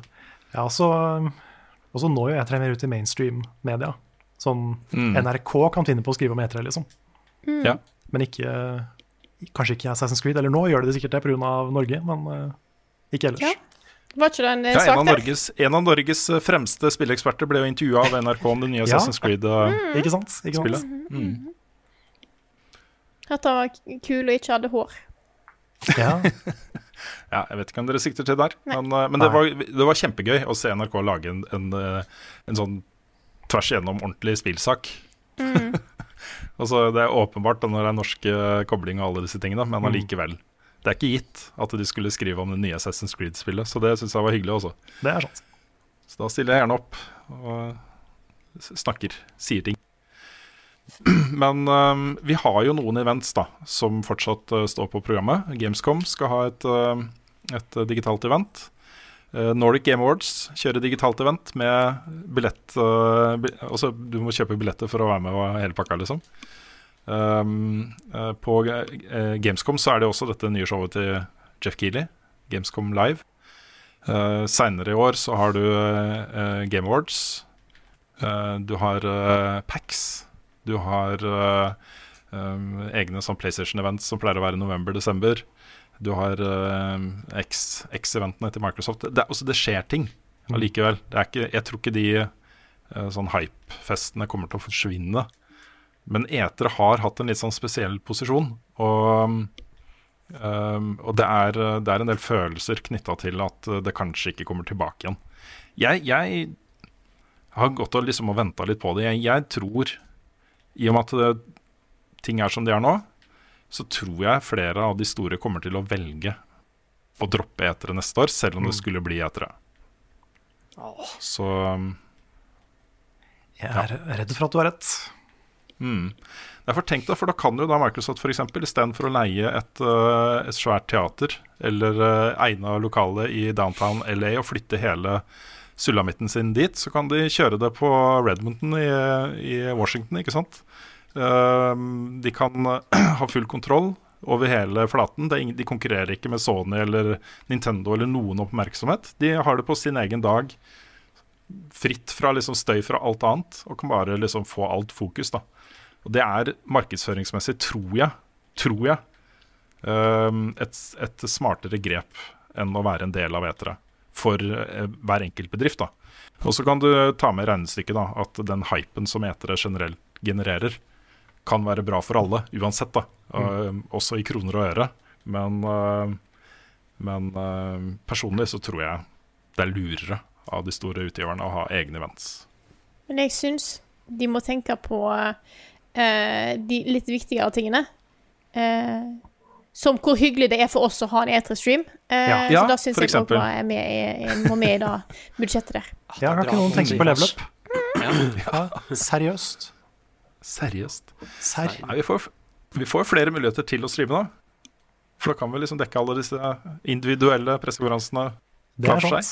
Ja. Men det kan liksom ikke rettferdiggjøre å sette Frida på et tog til Oslo eller uh, sånne type ting. da. Nei. Mm, Ja, altså, vi, Det er kan, sant. vi kan jo spare konferansene, da. Så vi har en sånn svær uh, Ja. Vi lager etter det. Ja, vi samler de opp, og så uh, Ja, mm, Ja. det har vi. All right. Jeg tror vi går litt videre. Um, Det har jo dukka opp et par uh, nye spilldatoer i uka som har gått. Uh, Det kom litt for seint til forrige podkast, så vi snakka om det i spilluka. Men The Last of Us Part 2 kommer nå 19.6. Kommer Vi snakka ikke om det i forrige podkast, gjorde vi det? Nei. Nei. Nei. Um, Snakka vi om Lipso forrige podkast? Ja, det kan vel stemme Nei, jeg tror Det det var bare mandag. spilluka. Ja, det stemmer, for jeg så på datoen den nyheten her kom. Og det var etter at vi spilte inn forrige podkast, så jeg følte meg ganske trygg på Dette er et sånn generelt problem for oss, da, for vi har spilluka, og så har vi podkasten, og noen ganger snakker vi om de samme tingene. Og spesielt når ikke helt, da. streams der vi snakker om alt mulig annet i tillegg. Ja, det er også sant. Ja. Ok, så hvis, hvis vi sa det forrige uke, så blir det for, eh, for eventuelt nye lyttere, da. Men Ja. uh, The Last of Us Part 2 ble jo utsatt, det skulle komme i mai. Så ble det utsatt på ubestemt tid. eh, og nå har du fått ny dato, og det er da allerede 19.6, så det var én måned å uh, Men datoen ble annonsert på Um, mandag, så det kan jo ikke være mulig at du hadde det forrige Nei, podcast. det er sant. Det er sant. Så Samtidig da, så utsatte de Ghost of Sushima en måned til uh, 17. juli. Så eh, det er jo lurt, kanskje, at ikke de to spillene konkurrerer mot hverandre. Men Ja. det er jo eh, begrunnelsen for, eh, for at det nå dukker opp igjen. Eh, det er jo én, at det er, det er jo faktisk ferdig. Eh, og nummer to, de, eh, det står da i den pressemeldingen fra Sony at eh, de ser at en del butikker begynner å åpne opp igjen, og ting, hjulene begynner å rulle litt igjen, og da er det liksom bedre for oss. Altså Da er det mulig for oss å få lansert disse spillene her. Uh, ja. Jeg hørte det var noen som tror, tenkte litt på at kanskje de gir ut den datoen nå, eh, fordi det har vært så mye store leaks av historien. Mm. Men jeg tror det var planlagt, dette her. ja, jeg tror også det. Jeg tror de eh, ikke ville committe til noen ny dato da de utsatte det. De bare visste at vi kan ikke gi det ut nå, Ja. fordi verden står stille. Ja. Um, så, men at de tenkte at de skulle lansere det så fort som de overhodet kunne, da. Men eh, du nevnte jo disse leaksene, og det er jo et uh, Pokker, altså. Det er Ja. leaks eh, Historien i The Last of Us Part 2, som jo er det viktigste med The Last of Us Part 2. For mange, da. Mm. Hva skjer? ikke sant? Hva skjer med disse eh, rollefigurene vi har blitt så glad i? Eh, det har jo lekka på nett. Og folk ja, Det går jo sport da i å spoile folk for eh, historien. Folk satt jo og Eh, spoila det- eh, Eller kommer spoilers i Assassin's Creed Reveal Logic-streamen. Ja, det er sant. Og det er jo, det er jo den derre for the Lulls uh, uh, want to watch the world burn-filosofien som ligger bak det. De er, har det gøy, sitter og drikker uh, Mountain Dew og spiser cheese doodles og bare ler seg i hjel, liksom. Men eh, um, eh, det er synd også. Det er trist. Det er trist at vi må nå i over en måned være så på vakt for ikke få de tingene spoila. Mm. Så bare vær klar over det, at de eksisterer, og ta forhåndsregler, så går det forhåpentligvis bra, da. Det som jeg syns er litt gøy, da, er at nå har jo plutselig juli blitt en sånn måned som har erstatta litt den der store spillvåren vi skulle ha. Fordi uh, Ja, det er, ikke, det er ikke snakk om for oss, tror jeg, å ta helt ferie i juli i år, altså. Fordi da har vi da 1. juli, utsatt fra mai det også, Trackmania Nations. Um, 10. juli, Deadly Premonition, Premonition 2, fått, fått dato nå, uka som gikk. Ja. 14. juli, Death Stranding på PC. Uh, 17. juli, Ghost of Tsushima. Og da uh, 28. juli, uh, den der nye versjonen av Destroy All Humans, som jo ser latterlig gøy ut. Også fått en ny trailer uka som gikk, det. eh, med lanseringsdato. Så eh, juli har blitt en ganske tøff måned nå, altså. Pluss da masse andre ting, selvfølgelig. Det var bare de tingene jeg valgte å trekke fram. Mm. Men, Jeg bare jeg kaster ut at jeg allerede har eh, tatt ut ferie i hele juli. eh, du har det, ja? Eh, sånn, jeg har faktisk allerede gjort det, den er registrert. Så det er ja. Tenkte bare Ja. ja. Mm. All right. Nei, men det blir, det blir gøy. Vi kommer ikke unna å snakke litt, bitte lite grann om eh, eh, eventet som var i Fortnite på søndag heller. Travis eh, Scott hadde en eh, ti minutter lang uh, live konsert, på en måte, i Fortnite. Hvor, eh, hvor eh, musikken hans og hans persona i form av en sånn gigasvær, eh, kjempehøy uh, versjon av seg selv, da, bare tok over hele Fortnite i ti minutter. Um, I en sånn kombinasjon av uh, spillverdenen som reagerer på musikken, og uh, ferdig, også forhåndsprogrammerte sekvenser og, uh, og sånt. Men det var også den følelsen, da. Du får så godt inntrykk av det, føler jeg. For jeg spilte det ikke selv, jeg var ikke innom. Men uh, de videoene jeg så, så er det jo gjerne fra perspektivet til en faktisk spiller, da. Som har bare rekorda det han opplever. Du er jo midt i et et event som bare tar helt fuckings av, for å bruke det uttrykket igjen. Men det, er, det så så latterlig kult ut. Mm. Og jeg tenker at uh, det her må jo være sjukt inspirerende for andre som tenker på liksom Hvordan, hvordan kan vi liksom shake it up i våre live service-spill med events og sånne ting? Det er dustegreiene som foregår i Destiny 2 nå, med noen uh, blomster i Tower og sånt. Det blir jo bare sånn Ja, OK. det er uh, ja, veldig kult, altså. Så nå er jeg litt spent på hva de gjør neste gang. Dette er så typisk en sånn ting som blir sånn hm, Hva skal vi finne på neste gang? Mm. Mye bare større og større. Ja. Ja, fordi eh, Tenk deg- deg alle de artistene og sånt som har sett dette her, da. Og sett hva Travis Scott har fått til. Det er jo mye sånn derre kon konkurransegreier og kniving og inspirasjon da, eh, i, i den verden der. Mm. Jeg tror det er mange som har, har ideer nå og lyst til å gjøre noe. E3 2021 i Fortnite. ja. Åh, ja det, er faktisk så er det mulig.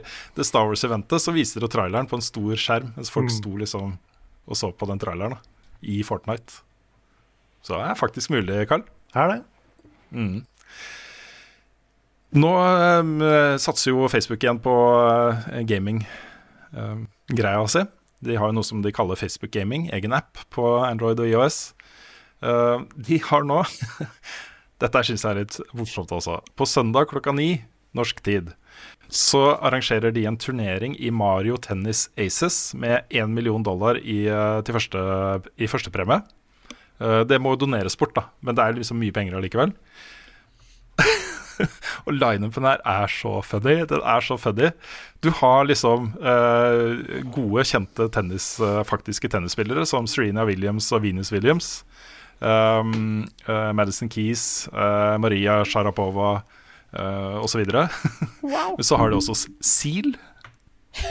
Så artisten Seal.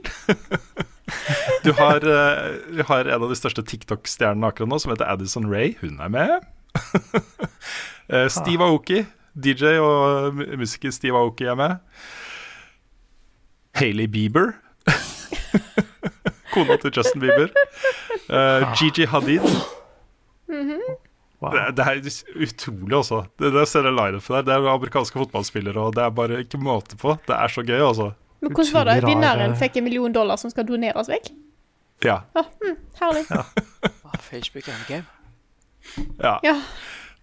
De kaller det da Stay at Home Slam. Det er da t- søndag 3. mai klokka ni norsk tid. Det jeg har litt lyst til å se på, jeg, altså. Ja, det er en veldig rar Smash Bros-roster. For et event! Greit, Ja, ja. det er akkurat det, altså.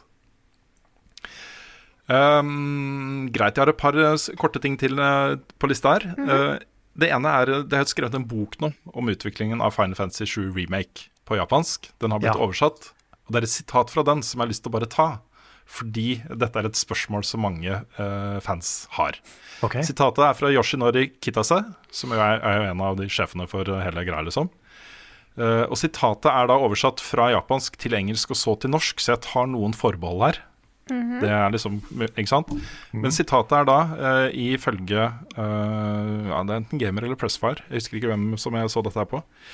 Eh, men sitatet er da fremover blir det ingen drastiske endringer til historien, og vi forvandler den ikke til noe helt nytt sammenlignet med originalen. Selv om dette er en remake, kan dere gå ut ifra at Final Fantasy 7-historien vil fortsette slik som Final Fantasy 7 alltid har gjort. Hva tenkte du når du så det, Carl? Nei, jeg ble um, både litt letta og litt uh, forvirra, kanskje. Fordi ja, det, er jo, det er jo ting um, som jeg ikke har sagt noe om ennå, utenom i spoilercasten, som, som skjer i første remaken. Og det er ting som ikke var med i originalspillet. Så jeg regner Nei. med at det kommer til å få en betydning, og det kommer til å uh, ha ringvirkninger framover. Mm. Så um, jeg tror det kommer til å bli en god del endringer og en del nye ting. Men um, likevel altså, er det veldig godt å høre det. At liksom, vi skal sikkert til alle de, de typiske stedene man forbinder med Final Fantasy 7. Vi får mange Mm. av de store ikoniske scenene. Så um, det er veldig bra. Det kommer jo også fram at de ikke har bestemt seg ennå for hvor mange eh, episoder det skal bli til sammen til slutt. da. Det, det det står mellom, er jo å enten da levere sånne 40 timer lange eh, eposer, som eh, episode 1 er, på en måte, Mm. og det å få det litt raskere ut, sånn at den kan fortsette litt hyppigere da, med nye episoder. Ja. Så Jeg håper egentlig ikke de lager veldig mange som de rusher ut. Det, det kommer så an på hvordan de skal fortsette også, fordi um, Jeg aner jo ikke f.eks. om det kommer til å være noe save-import i part 2. Eller om de må begynne på, liksom på level 1. Ja, på sånn skal de gjøre det. Ja. Mm. Jeg vet ikke, så jeg er spent på det. Mm. Og så til slutt en helt herlig pressemelding som dundra inn rett før vi satte oss ned med å spille denne podkasten her. Eh, det kommer nå et eh, nytt Stronghold-spill. eh, Stronghold Warlords. Eh, og de har nå sittet eh, med et stort problem. De har ikke muligheten til å få inn voice actors til å lage liksom sånn lyder og uh, skrik og sånne ting da i spillet, for det trenger de.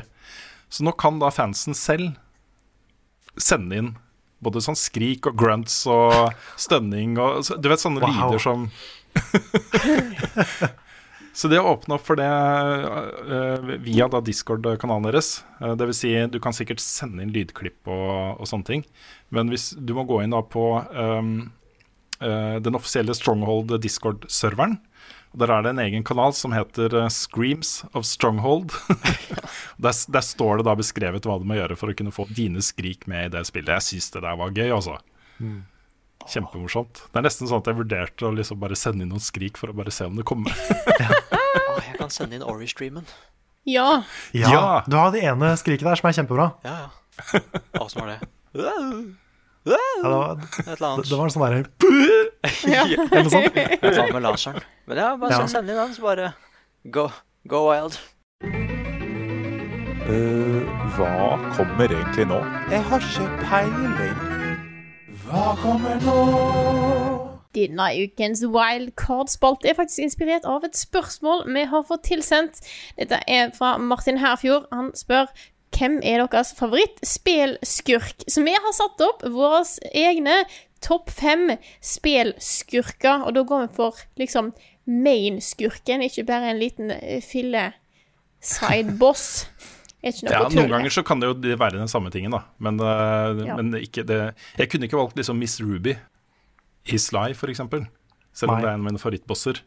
Da måtte det vært eh, Clockwork, hvis Ja. det skulle vært Sly-serien, på en måte. Ja, da håper jeg den jeg har min mine er innafor. Altså. Ja da, det ordner seg. Vi, vi pleier alltid å eh, vri litt på, på, på reglene uansett. Hvem har lyst til å sette i gang? Jeg begynner. Jeg kan godt Ja, du begynner. Eh, jeg har satt opp en som er veldig personlig, eh, og det er da det blir dette her. Eh, så vi begynner på Jeg har faktisk rangert de. Eh, og noen av de er inspirert av ting jeg har måte som sitter veldig dypt i meg, og noen av de er fordi det er en litt nyere opplevelser. Så vi kaster i gang. Eh, eh, nummer fem. Eh, Eggman. Eh, Nice. Måtte ha på meg Eggman. Eh, han er en sånn herlig fyr som er bad guy, som prøver å få det til så godt han kan, men han er ikke så flink. Så jeg eh, ville ha han med. Mm.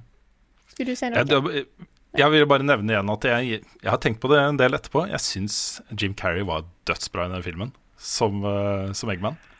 Ja, han er en helt annen figur, men, uh, Mm. men han er bra. Ja, jeg syns det, altså. Og så har jeg prøvd meg på en litt eh, spicy en. Eh, det er mest fordi jeg syns det er et så kult konsept. Og her har jeg på fjerdeplass har jeg The Hiss Ja. fra Control. som er jo kanskje ikke en skurk i seg sjøl, i den grad vi vanligvis snakker om det, men en utrolig kul bad presence. Uh, Entity et Entity. sånt. Ja, ja, ja. ja, ja. Nei, så da tar jeg den ut av meg, for jeg har noen honorable mentions. Den er på den, da. Det, Ja. det vil si jeg har The His skråstrek The Oldest House. Så selv Ja. om ikke The Oldest House er en sånn villain, liksom, så er det på en måte en presence Ja. som ikke nødvendigvis er god eller ond, men den betyr så mye for hele spillet. Da. Da, da, da tok jeg den. Og så går jeg på nummer tre. King Boo fra Luigi's Mansion. Og hovedsakelig Luigi's Mansion 1. Luigi's Mansion 3 er han ikke så uh, present. Luigi's Mansion 1 så er han en sånn derre fæl ting. Det er jo ingen andre Mario-spill som har så onde karakterer. Han er, han er jo skummel, King Boo, med de derre intense øynene og latteren og whatever. Så eh, King Boo Tredjeplassen. Eh, vi jobber oss oppover nå, begynner å bli ganske store ting. Andreplass er Flowey. Åh. For en mer ond karakter enn da skal du På en måte. Det er er Flowey i seg sjøl. Nå tenker jeg kanskje mest på, på en måte sånn som du, du ser Omega Flowey og det Photoshop-helvete som da er av en karakter. Eh, men jeg kan jo ikke ha ei sånn liste uten å ha en spesiell karakter på toppen. Og det må jo være Gladys. Oh, yes. jeg, ja, så det er, det er Sånn er det. Det var jo den som eh, Martin sjøl trakk fram. Eh, Det er jo en av mine favorittspillkarakterer noen gang, og da er han jo på toppen her òg. Ho. Ja. Yeah. Yes. Da er mine Kan jeg, ta, kan jeg ta nummer to? Yes. Da har jeg en uh, veldig kjapp honorable mention, som er Ansem fra Kingdom Hearts. Og det er bare pga. stemmen til Billy Zane, som han dessverre bare har i det første spillet. Så det er Ansem i det første spillet. Men femteplassen, det er eh, Final Fantasy Represent. Kefka fra Final Fantasy 6. Ja. Han er liksom en Han er Final Fantasy-universet sin joker, på en måte. En sånn gæren klovn som eh, er nok den ondeste bad guyen i hele Final Fantasy. Så han, eh, han vant der. Fjerdeplass Frau Engel fra Wolfenstein. Hun er Det fins jeg, kommer nesten ikke på en mer grusom figur. Nei, Jeg vet. Hun er liksom en sånn derre erkejævlig nazidame som bare For meg. Hun er, hun er grusom. Ja, på et tidspunkt i, i eh, det første, eh, altså New Order, Mm. så holder du et spedbarn opp ned fra Ja. foten utafor døra til et tog. bare sånn for å illustrere hvor ond hun faktisk er, da. Ja, hun er helt forferdelig. Det var da nok en honorable mention som forsvinner fra min eh, liste. Men det Ja. er eh, mm. På tredjeplass har jeg Just Monica. God, oi, oi, oi. Å, pokker, altså. Fordi. Monica er eh, en helt fantastisk bad guy. Som Mm. får liksom noen nyanser mot slutten. Jeg syns hun er dritbra. Hun avslutter med en kul sang. Den burde vært på min liste også. Så uh, hun er høyt oppe. Mm. På andreplass er jeg også Gladys, av samme grunn som Frida har. Det er bare en fantastisk skrevet character. Og på førsteplass Flowey. ja. Det er uh, ingen bad guy som er så ubehagelig, og samtidig så liksom Hele historien rundt Flowey er så bra. Det er en liksom en, en skurk som kan både gi meg mareritt og samtidig få meg til å begynne å grine. Mm. Ja. Og det er uh... Av, av ikke nødvendigvis fordi du er livredd grining. Ja. Ja. Ja. Begge tilfellene er skummelt. ja. så det, um, det er få ting som kan toppe Flowey for meg. Altså. Ja. Skal jeg hoppe videre? Ja. Ja. Em, jeg vil også nevne, da, eh, for de som ikke har fått det med seg, at Martin Herfyr er også han som har lagd vignettene i podkasten vår. Så Det er eh, Bra fyr. er vi takknemlige for det. Mm. Veldig bra fyr. I og med at han nevnte GLaDOS fra Portal, så valgte jeg å ikke ta med GLaDOS, for det er sånn selvskreven. Det er også min førsteplass, egentlig. Men for å få plass til flere, Ja. så er det en liste uten GLaDOS. Men GLaDOS er også egentlig min nummer én, da. Uh, jeg nevnte jeg hadde noen honorable mentions. Jeg kunne lagd en topp 20. eh, 30-40 hvis jeg ville. Uh, så bare noen. Uh, på honorable mention eh, Umbrella Corporation slash Albert Wesker. Albert Wesker. Um, jeg har en honorable mention på eh, Balder fra God of War. Mhm.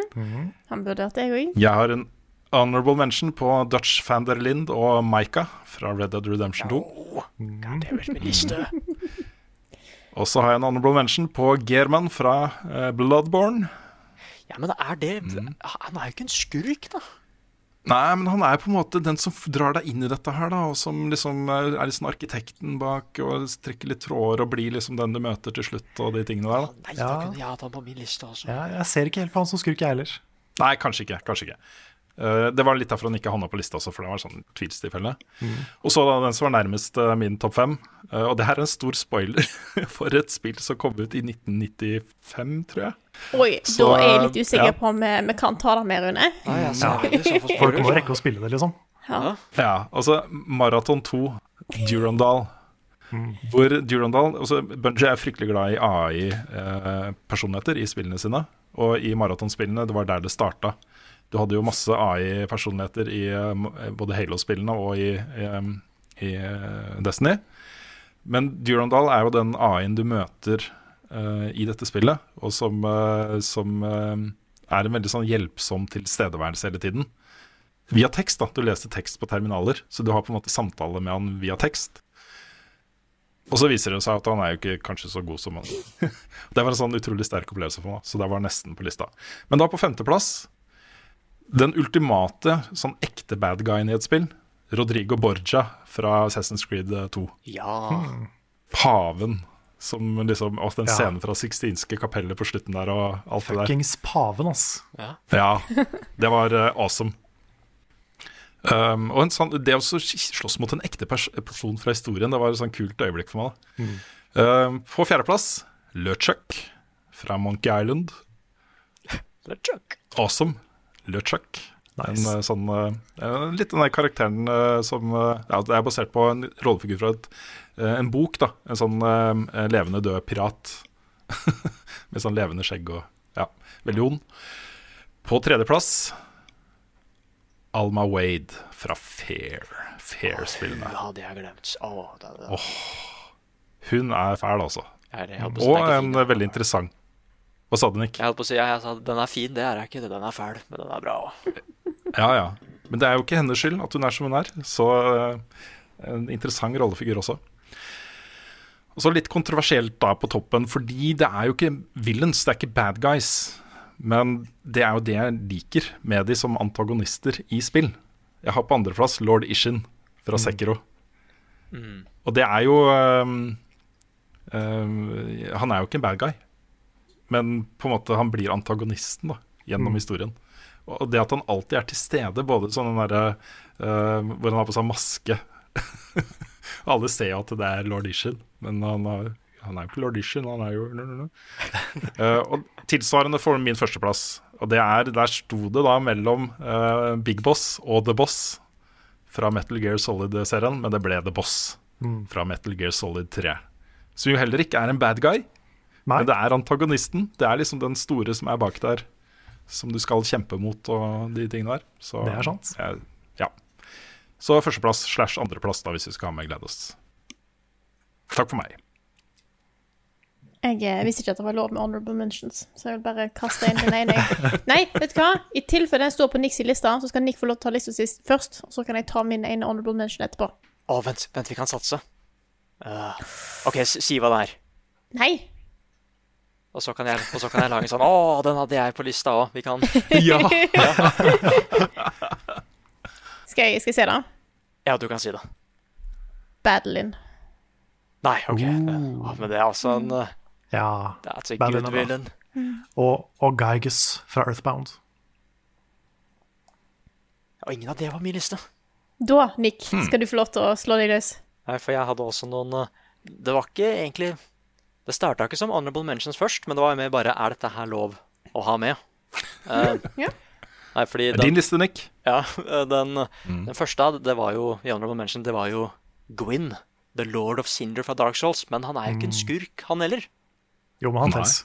Han tels. Ja, jeg, Ja. jeg syns det. Ja, Han tels. men he tried to save the world. Yeah, but he's the boss. Ja, men han er Det er ikke hans sin skyld. Nei.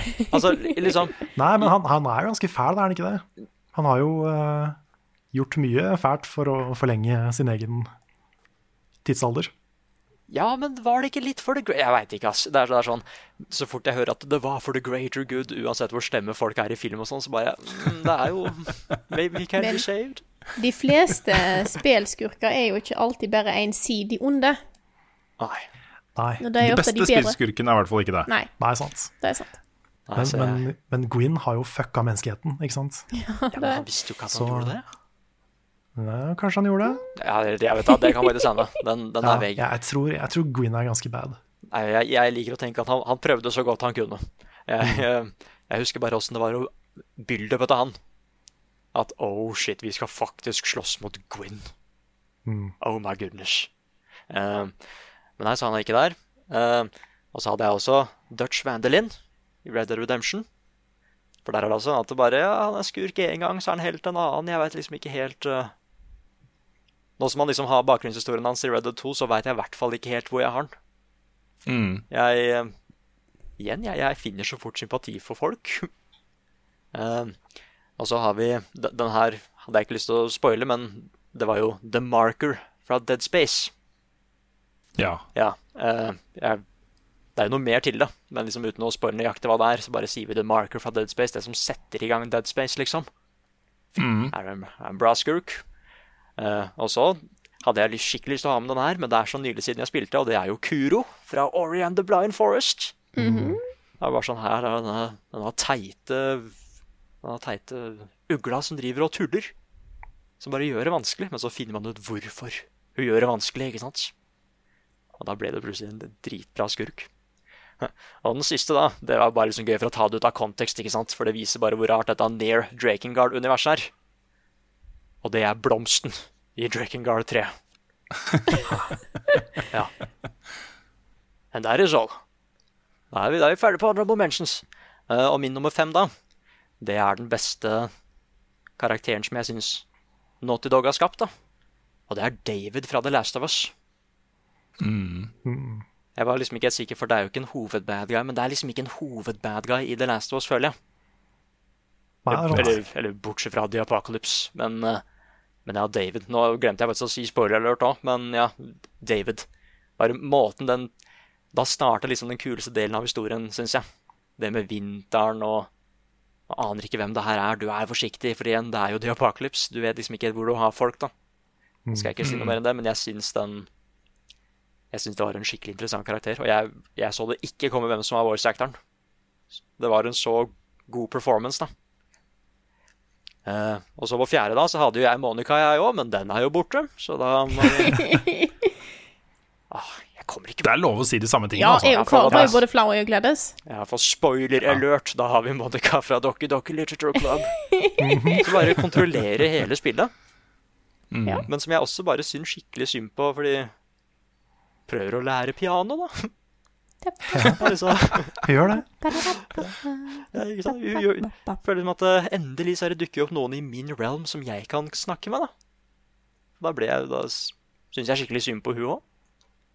Altså, det, det, det forandrer hele spillet. Det er en sånn klassisk plot twist som jeg liker å se i film, da, hvor jeg kan liksom spille, spille eller se filmen på nytt igjen. For å få en helt annen opplevelse fra den. Så ja, Monica. Og den tredje, da, det, det er Arthurs, aka The Litch King fra World of Warcraft. Oh yeah, what the guy? Ja. Det er liksom Det er liksom Anakin Skywalker i Warcraft-universet, da. Var liksom the chosen one, men så, så gikk det gærent. Og han ble the greatest evil. Og jeg husker bare så godt at jeg hadde spilt Warcraft 3, og det var liksom ikke noe snakk om han i World of Warcraft helt til expansion packen Lich, Lich King dukka opp, da. At vi endelig skulle finne ut hva som skulle skje med Arthurs. Altså det Og han er jo en svær White Walker. Han er faktisk Han er, han er kanskje ikke the first White Walker. Jeg veit ikke hvem som var først ute med George eller, World of War, eller Warcraft, men ja, en skikkelig, en skikkelig badass eh, White Walker. Har det Army of the Dead og en svær drage og greier, ikke sant?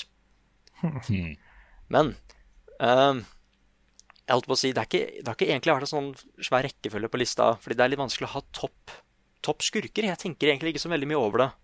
Hvem jeg syns er de beste skurkene. Den eneste jeg liksom er helt sikker på førsteplassen, det er den ja, på førsteplassen. Men på andreplass, da, da har vi Da har vi Senator Armstrong fra Metal Gear Rising Revengeance. Den siste bossen der. Og det er egentlig Han er jo ikke egentlig en særlig god skurk, men jeg får veldig sånn Ishin-vibran.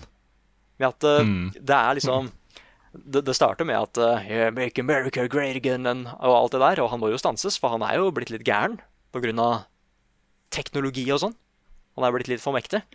Men hele kampen er sånn Ja, vi slår litt, men nå skal jeg fortelle deg hvorfor du tar feil. Så snakker vi litt i en cutscene. Og det skjer liksom fram og tilbake, fram og tilbake. Og man tenker liksom at de må, de må ødelegge hverandre, men de respekterer hverandre òg, da. Og så syns jeg bare den siste fighten der er så sykt kul. Det er en av de beste bosskampene jeg har spilt. Både det soundtracket, og så kan man tenke litt bare hvem er det egentlig som har rett her, da? Er det Ryden, eller er det Armstrong? Og så er det bare gøy å si at den siste bossen er nesten presidenten, ikke sant? Duk, dukker opp i maskinen sin, så skal dere slåss. Men eh, den siste, da Og her er det også sånn der igjen kjempespoiler, så jeg skal bare prøve å holde det så vegg som mulig. Men dette er liksom min garantert favorittskurk, og det er det er det aliens i Nero Automata. Ja. Men, jeg, men, det, men det er liksom det, det, er, det er for vague, egentlig. Men jeg kan ikke si nøyaktig uten å spoile svære deler av historien. da. Men det er egentlig bare det hva, hva vi finner ut av hva disse aliensa har gjort da, for å sette i gang krigen mot menneskeheten og sånn. Hva de har skapt. Disse robotene som de driver og skaper som androidene må slåss mot og sånn. Uh, og vi får liksom vite Nei, igjen, jeg, jeg, jeg er kjempeforsiktig nå. Hvem er det som ikke har spilt Nier Automata her, egentlig? I Jeg har ikke spilt, uh, spilt det. Nei, åh, uffa meg, ass. Det er uh... Og sikkert ganske mange av de som hører på podkasten også, Ja. så vær forsiktig. Nei, for det er jo hele hovedkonflikten i Nier Automata. Er jo det at uh, aliens har angrepet menneskeheten. Og teknologien deres er det at de kan lage ja, maskiner, da. Og da må menneskeheten sende androider for å ta dem. Men det er noe mer med disse aliensa her. Mm. Og det er superduper ultraspoiler, og jeg kan ikke si hva det er. Men, men det, er klassi- det er en klassisk Yokotaru bad guy, liksom. Kult. tar de der skurke, skurkestereotypene på hodet da, og lager noe nytt med det. Så det, og det var altså samme som var med Flower, liksom. At det, det fucka med meg i spillet, men det fucka med meg også in the real world, det som foregår der. Så, så, så ja, The Aliens fra Nero Tobata er på toppen av min liste. Kult. Det kan hende at noen reagerer på at det ikke kommer noen liste fra Lars, men han har en liten spisepause nå. Så han er tilbake da etter, eh, etter vignetten, ikke sant? Kan dere høre meg nå? Der var du! ja, Det dere var kan det, ja. Ok, Jeg prøvde å bryte inn i stad, men det, det funka ikke, liksom. Jeg driver og spiser, men jeg tenkte bare ok. Fordi at eh, det eneste jeg hadde å si Jeg var ikke helt forberedt på denne lista her, men um, når Nick nevnte eh, Når du nevnte det først i stad, og Nick nevnte David Altså Det var liksom den første jeg tenkte på at liksom bare David fra The Last of Us, han er evil. Så um, det var liksom det første som poppa inn i huet mitt, så jeg er helt enig med Nick. Hva er dines best, hvordan fredag sist? Har Carl egentlig sopp? Ukens spørsmål. Og vi sparker løs eh, spørsmålsspalten med en ny vignett. Kjør! Ukens eh, Sinfor. Hva konsoll gjennom tidene mener dere har hatt det flotteste designet? Og dette er da et spørsmål fra Trond Sinfor Borgersen, som er, har egen vignett. Ja. Yes. Ah. Det, er, eh, jo eh, ikke et lett spørsmål. Nei. Men det er også et spørsmål som eh, for min del i hvert fall avslører at, eh, at eh, jeg er ikke kanskje så opptatt av nostalgi som mange andre. Jeg tror Min favoritt er, Ja, nei, so sorry. Jeg beklager. ja, for min favoritt er faktisk bare rett og slett uh, Xbox One S, den hvite. Den som du fikk, eh, Nick. Uff da. Det er uh, den peneste spillkonsollen jeg har hatt i hus. Hva så gal med den? Ja. Dæven, altså. Tusen takk. Jo, bare hyggelig. Du kan få den tilbake hvis du vil. Hvis du Nei, men jeg er mer opptatt av FPS enn eh, enn, eh, av konsolldesign. Nei. Skulle jeg til å Så- si liksom, Det viser hvor mye du betyr, Nick, at han ga den til deg. Ja. ja. Nick er viktigere enn en fin konsoll. Ja. Så er det- ja men det er det jo. eh, Det er det jo. Og så er det òg da, Rune, at du har fått en sånn tradisjon med at du gir vekk flotte konsoller til andre i redaksjonen. Jeg vet ikke hva du sikter til, Frida. Jeg foreslår vi går videre. Ja. Nei, jeg har jo en, en fin NES. Hysj! Kommer alltid til å føre det. Ja. Nei, jeg tror Jeg- jeg må definitivt Hvis jeg skal velge liksom den vakreste konsollen, så tror jeg jeg må gå for den originale Nintendo DS-en. Nei da, da er jo kanskje den rareste klumpen som finnes der ute. Uh, Engage. hmm. Jeg syns Jeg syns PS4-en er fin, jeg. Mm, ja, den er fin. Ja. Ja. Det er like linje, og så kanter. Det er liksom bare sånn at den skråen der, den er fin. Den er fin, altså. Jeg liker veldig godt at de bare la på en linje til når det kommer Pro-versjonen. Ja. Ja, sant. Det er bare et tårn til, liksom. Ja. Det er veldig morsomt å være like med mange det- tårn. Jeg liker ikke den. ja, den er, den er fin. Men jeg syns ikke Proen er like kul. Jeg syns den originale jeg har liksom, den er enda glattere. Jeg syns den er skarpere. Han er litt mer sånn nj. Jeg syns den, den For, jeg liker å forklare design med lyd. Eh, den, den liksom Proen og den Slim-versjonen, jeg husker ikke hva den heter. Eh, det, liksom, det blir for runde, disse her ekstra lagene. Det skal være skarpt. Det skal være flatt. Ja.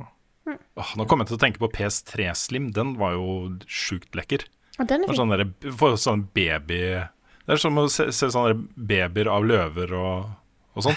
Det er, det er så søt. Nydelig. PS3 Slim, Ja. var, den, var ikke den ganske svær? ja, den var ikke bitte liten, men den var jo liksom vesentlig mindre da enn den originale PS3-en.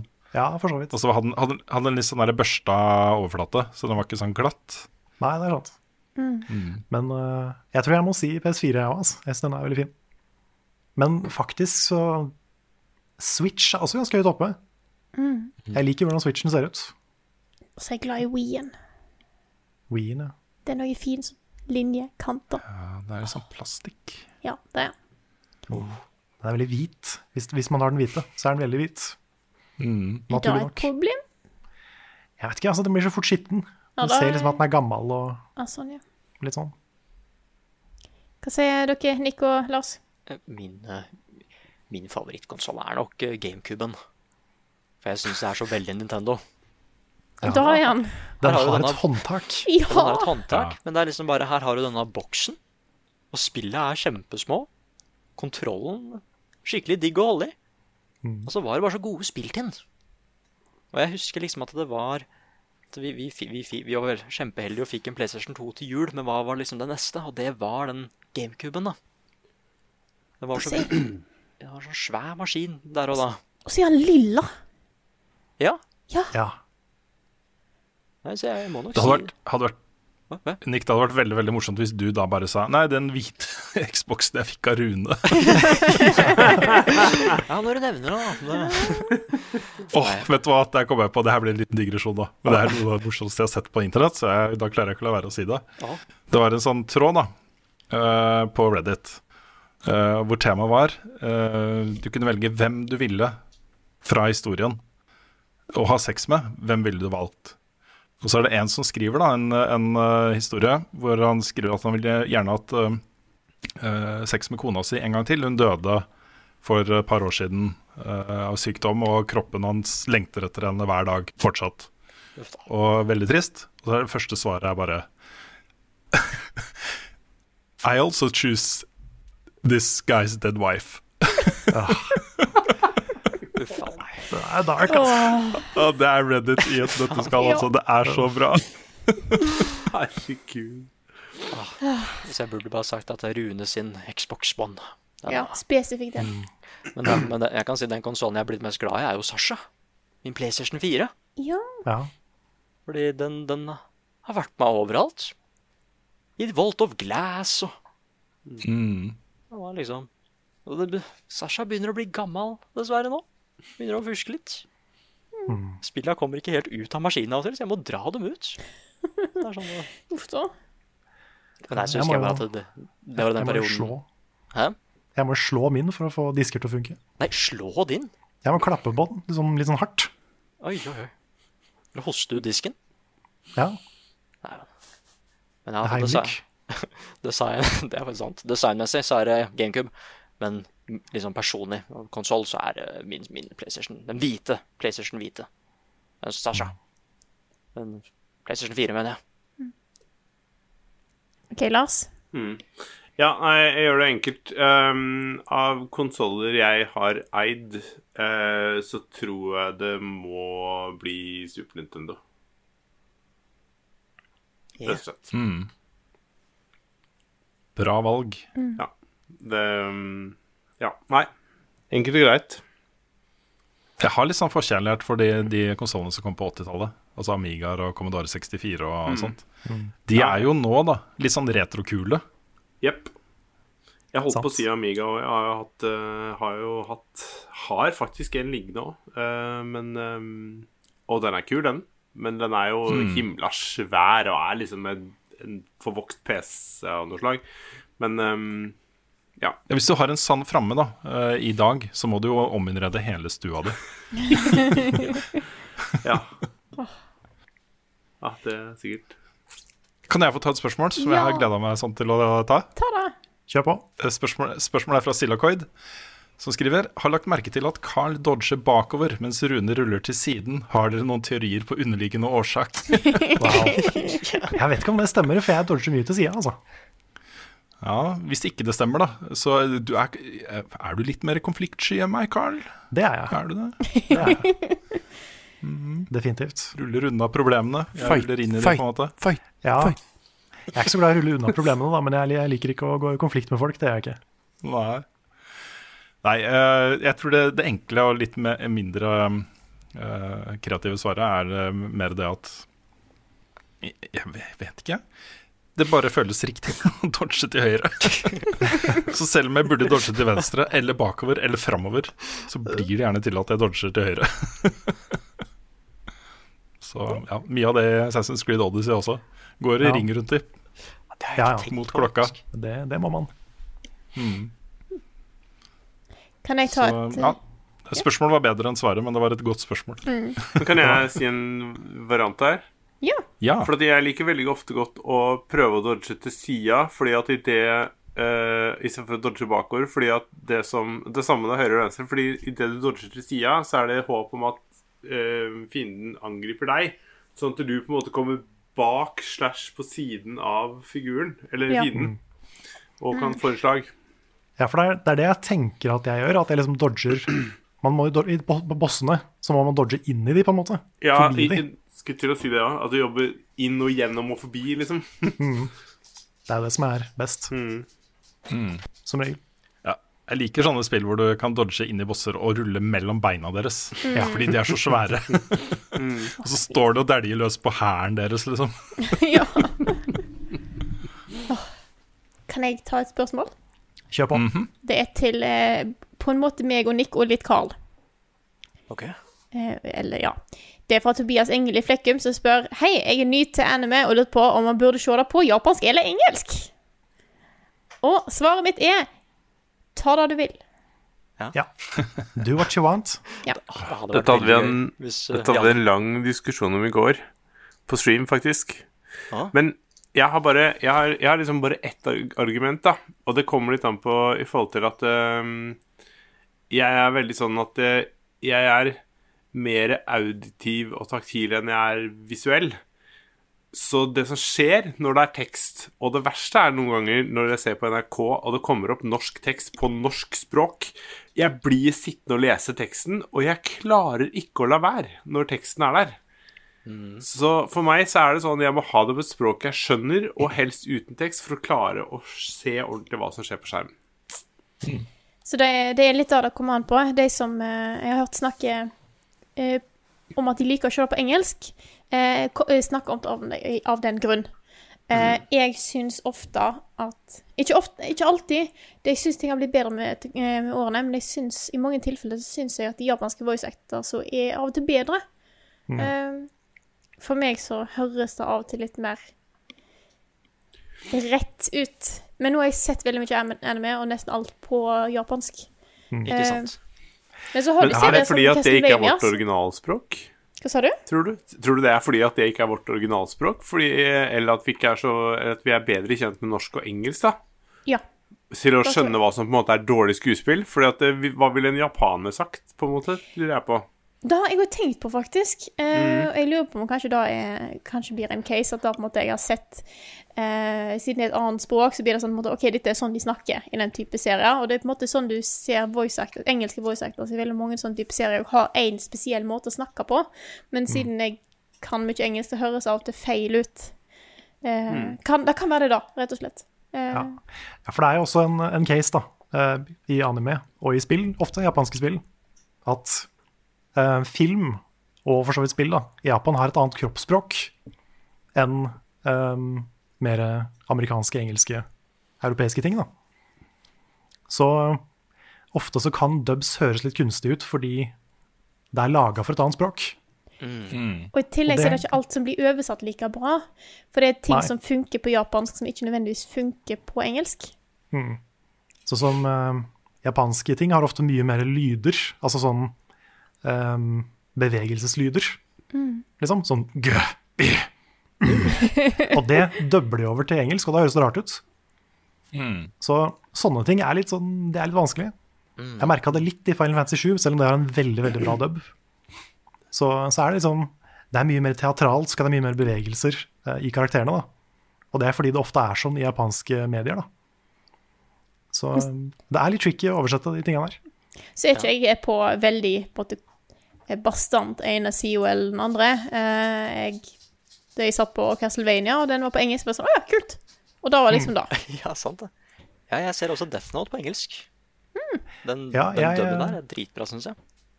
Ja, fordi dubs har blitt mye bedre. De var kjent for å være ganske dårlige lenge, i mange år. Men uh, den nye Evangelion-dubben, for eksempel, syns jeg er veldig bra. Mm. Den, eh, den er ikke perfekt, men den er liksom bra nok til at jeg helt fint kan se den på engelsk. Da. Så eh, jeg tror jeg ofte velger japansk. Eh, aldri på spill. Da velger jeg, Bortsett fra på Sekiro, så valgte jeg japansk. Men eh, andre spill så velger jeg alltid engelsk. Mm. Fordi eh, da vil jeg helst slippe å lese. Jeg, jeg driver liksom og mikser litt eh, jeg, det, det kommer liksom an på Plutselig så er det bare bedre engelsk dub. For eksempel Dragon Ball. Ah, det er et av mine favoritt-streamingøyeblikk. Var da vi spilte Jump Force på dette jubileet. Ja. Og Goku fra Dragon Ball begynner å snakke, og da roper Carl Men er det sånn han høres ut? Nei, det, så det, er noen Ja. Nei, sorry. Beklager. Det var ikke Nei, meningen. nei fordi det er, det, er, det er noen som bare høres bedre ut på engelsk. Fordi det var jo en dame som spilte Goku. Eller som spiller for seg Goku. den japanske dubben. Mm. Og det matcher ikke helt med utseendet på karakteren, for eksempel. Hva skal, hva skal du si, Frida? Sorry at Jeg skulle si at av og til så Altså, jeg, det hender ofte at jeg går til originalspråk når jeg kan det. Det var derfor jeg hadde eh, eh, Plague Tale Innocence på fransk. Ja. Det syns jeg. Ditto. Syns det funka veldig bra. Ja. Mm. Etter du anbefalte det, Rune. Ja. Nei, det var eh, det, det helt stor forskjell, altså. Men Jeg kan, jeg kan si veldig fort at jeg liker som regel å gå for japansk fordi jeg føler at lydbalansen er mye bedre med den dubben. Jeg, jeg syns musikk og sånn, blant annet, med engelske dub er enten for lav eller for høy, liksom. Så det, det er sånne småting som det der, da. Mm. Så ta, ta det, du, det du føler for, egentlig. Ja. Ja. Og internett kommer er, eh, uansett til å se at du tar feil. Ja, Ja. for det Uansett fins elitister på det der, og drit i de. Ja, fuck deg. Du og ikke vondt. Ja, det er sånn, Skal jeg se på engelsk eller japansk? Nei, du skal lese mangaen. Ja, da Feil svar, du skal lese mangaen. Da er det bare til å sette i gang med et nytt spørsmål hvis noen har noe på lur. Ja, jeg har et fra Mathias Kjelstad her som jeg syns er interessant. Ok. Eh, spørsmålet er hva er deres tanker angående filstørrelsene som har blitt annonsert for The Last of Us Part 2 og Microsoft Flight Simulator? Er det noen spill dere rett og slett ikke har kunnet spille fordi plattformen ikke har plass? Oi. Det det er snakk om da er eh, Last of Us Part 2 skal da være på rundt 100 gigabyte, og Microsoft Flight Simulator blir da 150 gigabyte. Så skriver han videre. Originalt så hadde jeg tenkt å kanskje skaffe meg Microsoft Flight Simulator, men den filstørrelsen blir litt for svær for PC-en min, så der gikk det. Um, dette er eh, prisen vi må betale for eh, at grafikkvaliteten forbedres. Og Microsoft Flight Simulator er jo hele jordkloden. Ja. Der er det mye assets der. Der er det mye assets. Det er det. At Men de har klart jo- å få den til 150 GB, er nesten utrolig. Ja. Men det er jo også altså, Noen er flinkere på optimalisering enn andre, da. Og på komponering Mm. og sånn. Så Jo da. da hadde det sikkert gått an å få det under 100. Men det er ikke sikkert de eh, er så gode på det. Men ting blir jo Ja. større og større. Det er jo mer og mer grafikk, det er mer og mer assets, så blir filstørrelse. Så liksom hele spillet blir større, og sånn er det bare. Ja, til PC også. Microsoft Flight Simulator. Du må jo ha den i 4K. Folk sitter jo med 4K-skjermer og skriker etter 4K 60 frames i sekundet minimum. Ja, ja. Det er sant. Um, så det, det er jo Ja, da blir det dobbelt så stort da som uh, 1080p. Og det er um, uh, jeg, jeg tror liksom Kjøper du en PC i dag, eller er du en PC-gamer i dag, så må du bare være uh, villig til å spytte inn noen hundrelapper med jevne mellomrom da, for å utvide lagringen din. Det er nok et litt større problem på Ja, ikke større, kanskje. Du har jo også muligheten til å slette ting og hente cloud saves fra Steam, f.eks. Mm. Uh, Det har jeg gjort mye på PC og på PlayStation. Um, men eh, det med å Hvis du vil ha sjukt pene spill, så må du bare dessverre da, være med på at uh, du kan komme opp med den type filstørrelser. Det er ganske sjukt her for tida. Jeg spiller, eh, jeg spiller jo Modern Warfare, og Modern Warfare på PlayStation tar 184 gigabyte. Ja. Altså, det er 20% av PlayStation originallagringen. Altså, jeg har vært nødt til å kjøpe en ny eller sånn ekstern harddisk å plugge inn ved siden av for å ha mulighet til å ha spillene inne. For jeg blir gæren av å måtte slette, laste ned, slette. ja. Ja, og downloaden på PS4 er jo litt treig, så Nei, det er ganske drøyt når det tar så mye plass som det. Og da kan man jo begynne å lure. Men um, ja. ja, det blir en avveining. Hvor pene vil du at spillene skal være? Ja, altså, det er, det er for så vidt ikke noe problem at de er store. Det er bare det at uh, jeg føler ikke at den 1 terabyten blir liksom ingenting når ett spill tar opp 20% av det. Nei, også Switchen er et godt eksempel der, fordi den har jo utrolig begrensa lagringsplass sammenligna med de andre plattformene. Og beskjeden du får der når du går tom for plass, er jo bare uh, Vil du arkivere dette spillet? Og så står det neste linje du kan hente det opp igjen når du vil. Og det er på en måte litt altså, Det er sånn man må tenke, tror jeg, da. At eh, ok, det er et spill du ikke har spilt på to måneder. Eh, Du vet at du kommer til å spille det igjen, men da kan du bare laste det ned på nytt. Og det er eh, ja. Ja, for jeg tror det smarteste jeg har gjort av kjøp av sånne ting, er når jeg kjøpte sånt svært eh, micro-SD til Switch. Mm. Det, det hjalp mye, altså. For det finnes, Ja. Jeg tror det fins spill du ikke kan laste ned faktisk på Switch, fordi minnekortet er for liten. lite. Såpass. Ja. Lurer på om LA Noir var sånn. At det Ja, var for svært for uh, Switch-minnekortet. Det ringer noen bjeller der, bjeller der altså. Men jeg kan jo si spill kommer ikke til å bli mindre. Nei, de gjør ikke det, vet du. Nei. Gjør ikke det? Det er i hvert fall de der svære Folk elsker jo disse svære, åpne verdenene som, eh, som ser sjukt pene ut. Red Dead Redemption 2 var vel 115 eller noe sånt, hvis jeg ikke husker helt feil. Med mindre vi får liksom- middle out compression, da. Ja, kan- ja, ja, ja. Middle out compression. Ja, så kan jack off fire okay. samtidig. Vi trenger litt pipe piper, Det kommer altså. til å redde alt, altså. Det gjør det. det, gjør det. Men samtidig så er dette her er jo et argument for the cloud. Da. Eh, Det kan hende at du kommer dit eh, etter hvert hvor eh, du ikke trenger å ha noe lagringsplass på PC-en din, annet enn litt minne til å kjøre grafikken ut på, på skjermen, liksom. Mm. Så, Vi får se. Mm. Har noen et siste spørsmål på lager? Nei, det har ristet på hodet? Jeg har satt opp flere, men nå er klokka over 11, folkens. Ja, det er litt seint. Jeg tror vi caller det der, jeg. Ja, vi kan gjøre det. Eh, Nå har jeg svart det. Jeg trodde jeg hadde lagra outroen her. Nå skal jeg finne den. Du kan finne på i farta. Du kan ta det fritt etter hukommelsen, Frida. Jeg kan ta det Ja. fritt etter hukommelsen. Dette her er eh, Skal vi se. Nå har jeg må bare få ting i gang Det i er en hodet mitt. podkast. Dette er en podkast. Podcast? Ja. Dette er Vi lager en spillpodkast. podkast. Ja, podkast. Ja. Dette, det du hører på nå, er Level Backup. Det er en spillpodkast utgitt av moderne medier. Låten i introen og outroen er skrevet av Ole Sønnik Larsen og arrangert og framført av Kyosho Orchestra. Du finner mye mer innhold av, eh, fra oss. Jeg klarer aldri den setningen, uansett om jeg leser den eller har den på hukommelsen. Du finner mye mer innhold fra Vignettene, oss. Frida. Vignettene. Jeg glemte vignettene! Jeg visste det var et eller annet med dem! Ja. Vignettene har vi allerede gitt masse creds for til eh, fantastiske Martin Herfjord, men du får litt ekstra, for du er en bra fyr. Du finner mye mer innhold fra oss på youtube.com slash levelupnord og på twitch.com twitch.tv slash levelupnord. eh. Der streamer vi mye på tida, blant annet eh, Animal Crossing og Assassin's Creed og eh, The Last of Us og masse, masse spennende. Eh, hvis du har lyst til å være med og støtte oss eh, med innholdet vi lager i tida som kommer, så er det bare å gå inn på patreon.com slash levelupnorge og støtte med det beløpet du sjøl ønsker der. Det setter vi utrolig stor pris på. Eh, så tusen takk til alle som bidrar. Takk for at du har hørt på, og så snakkes vi igjen neste uke! She did it! She really did it!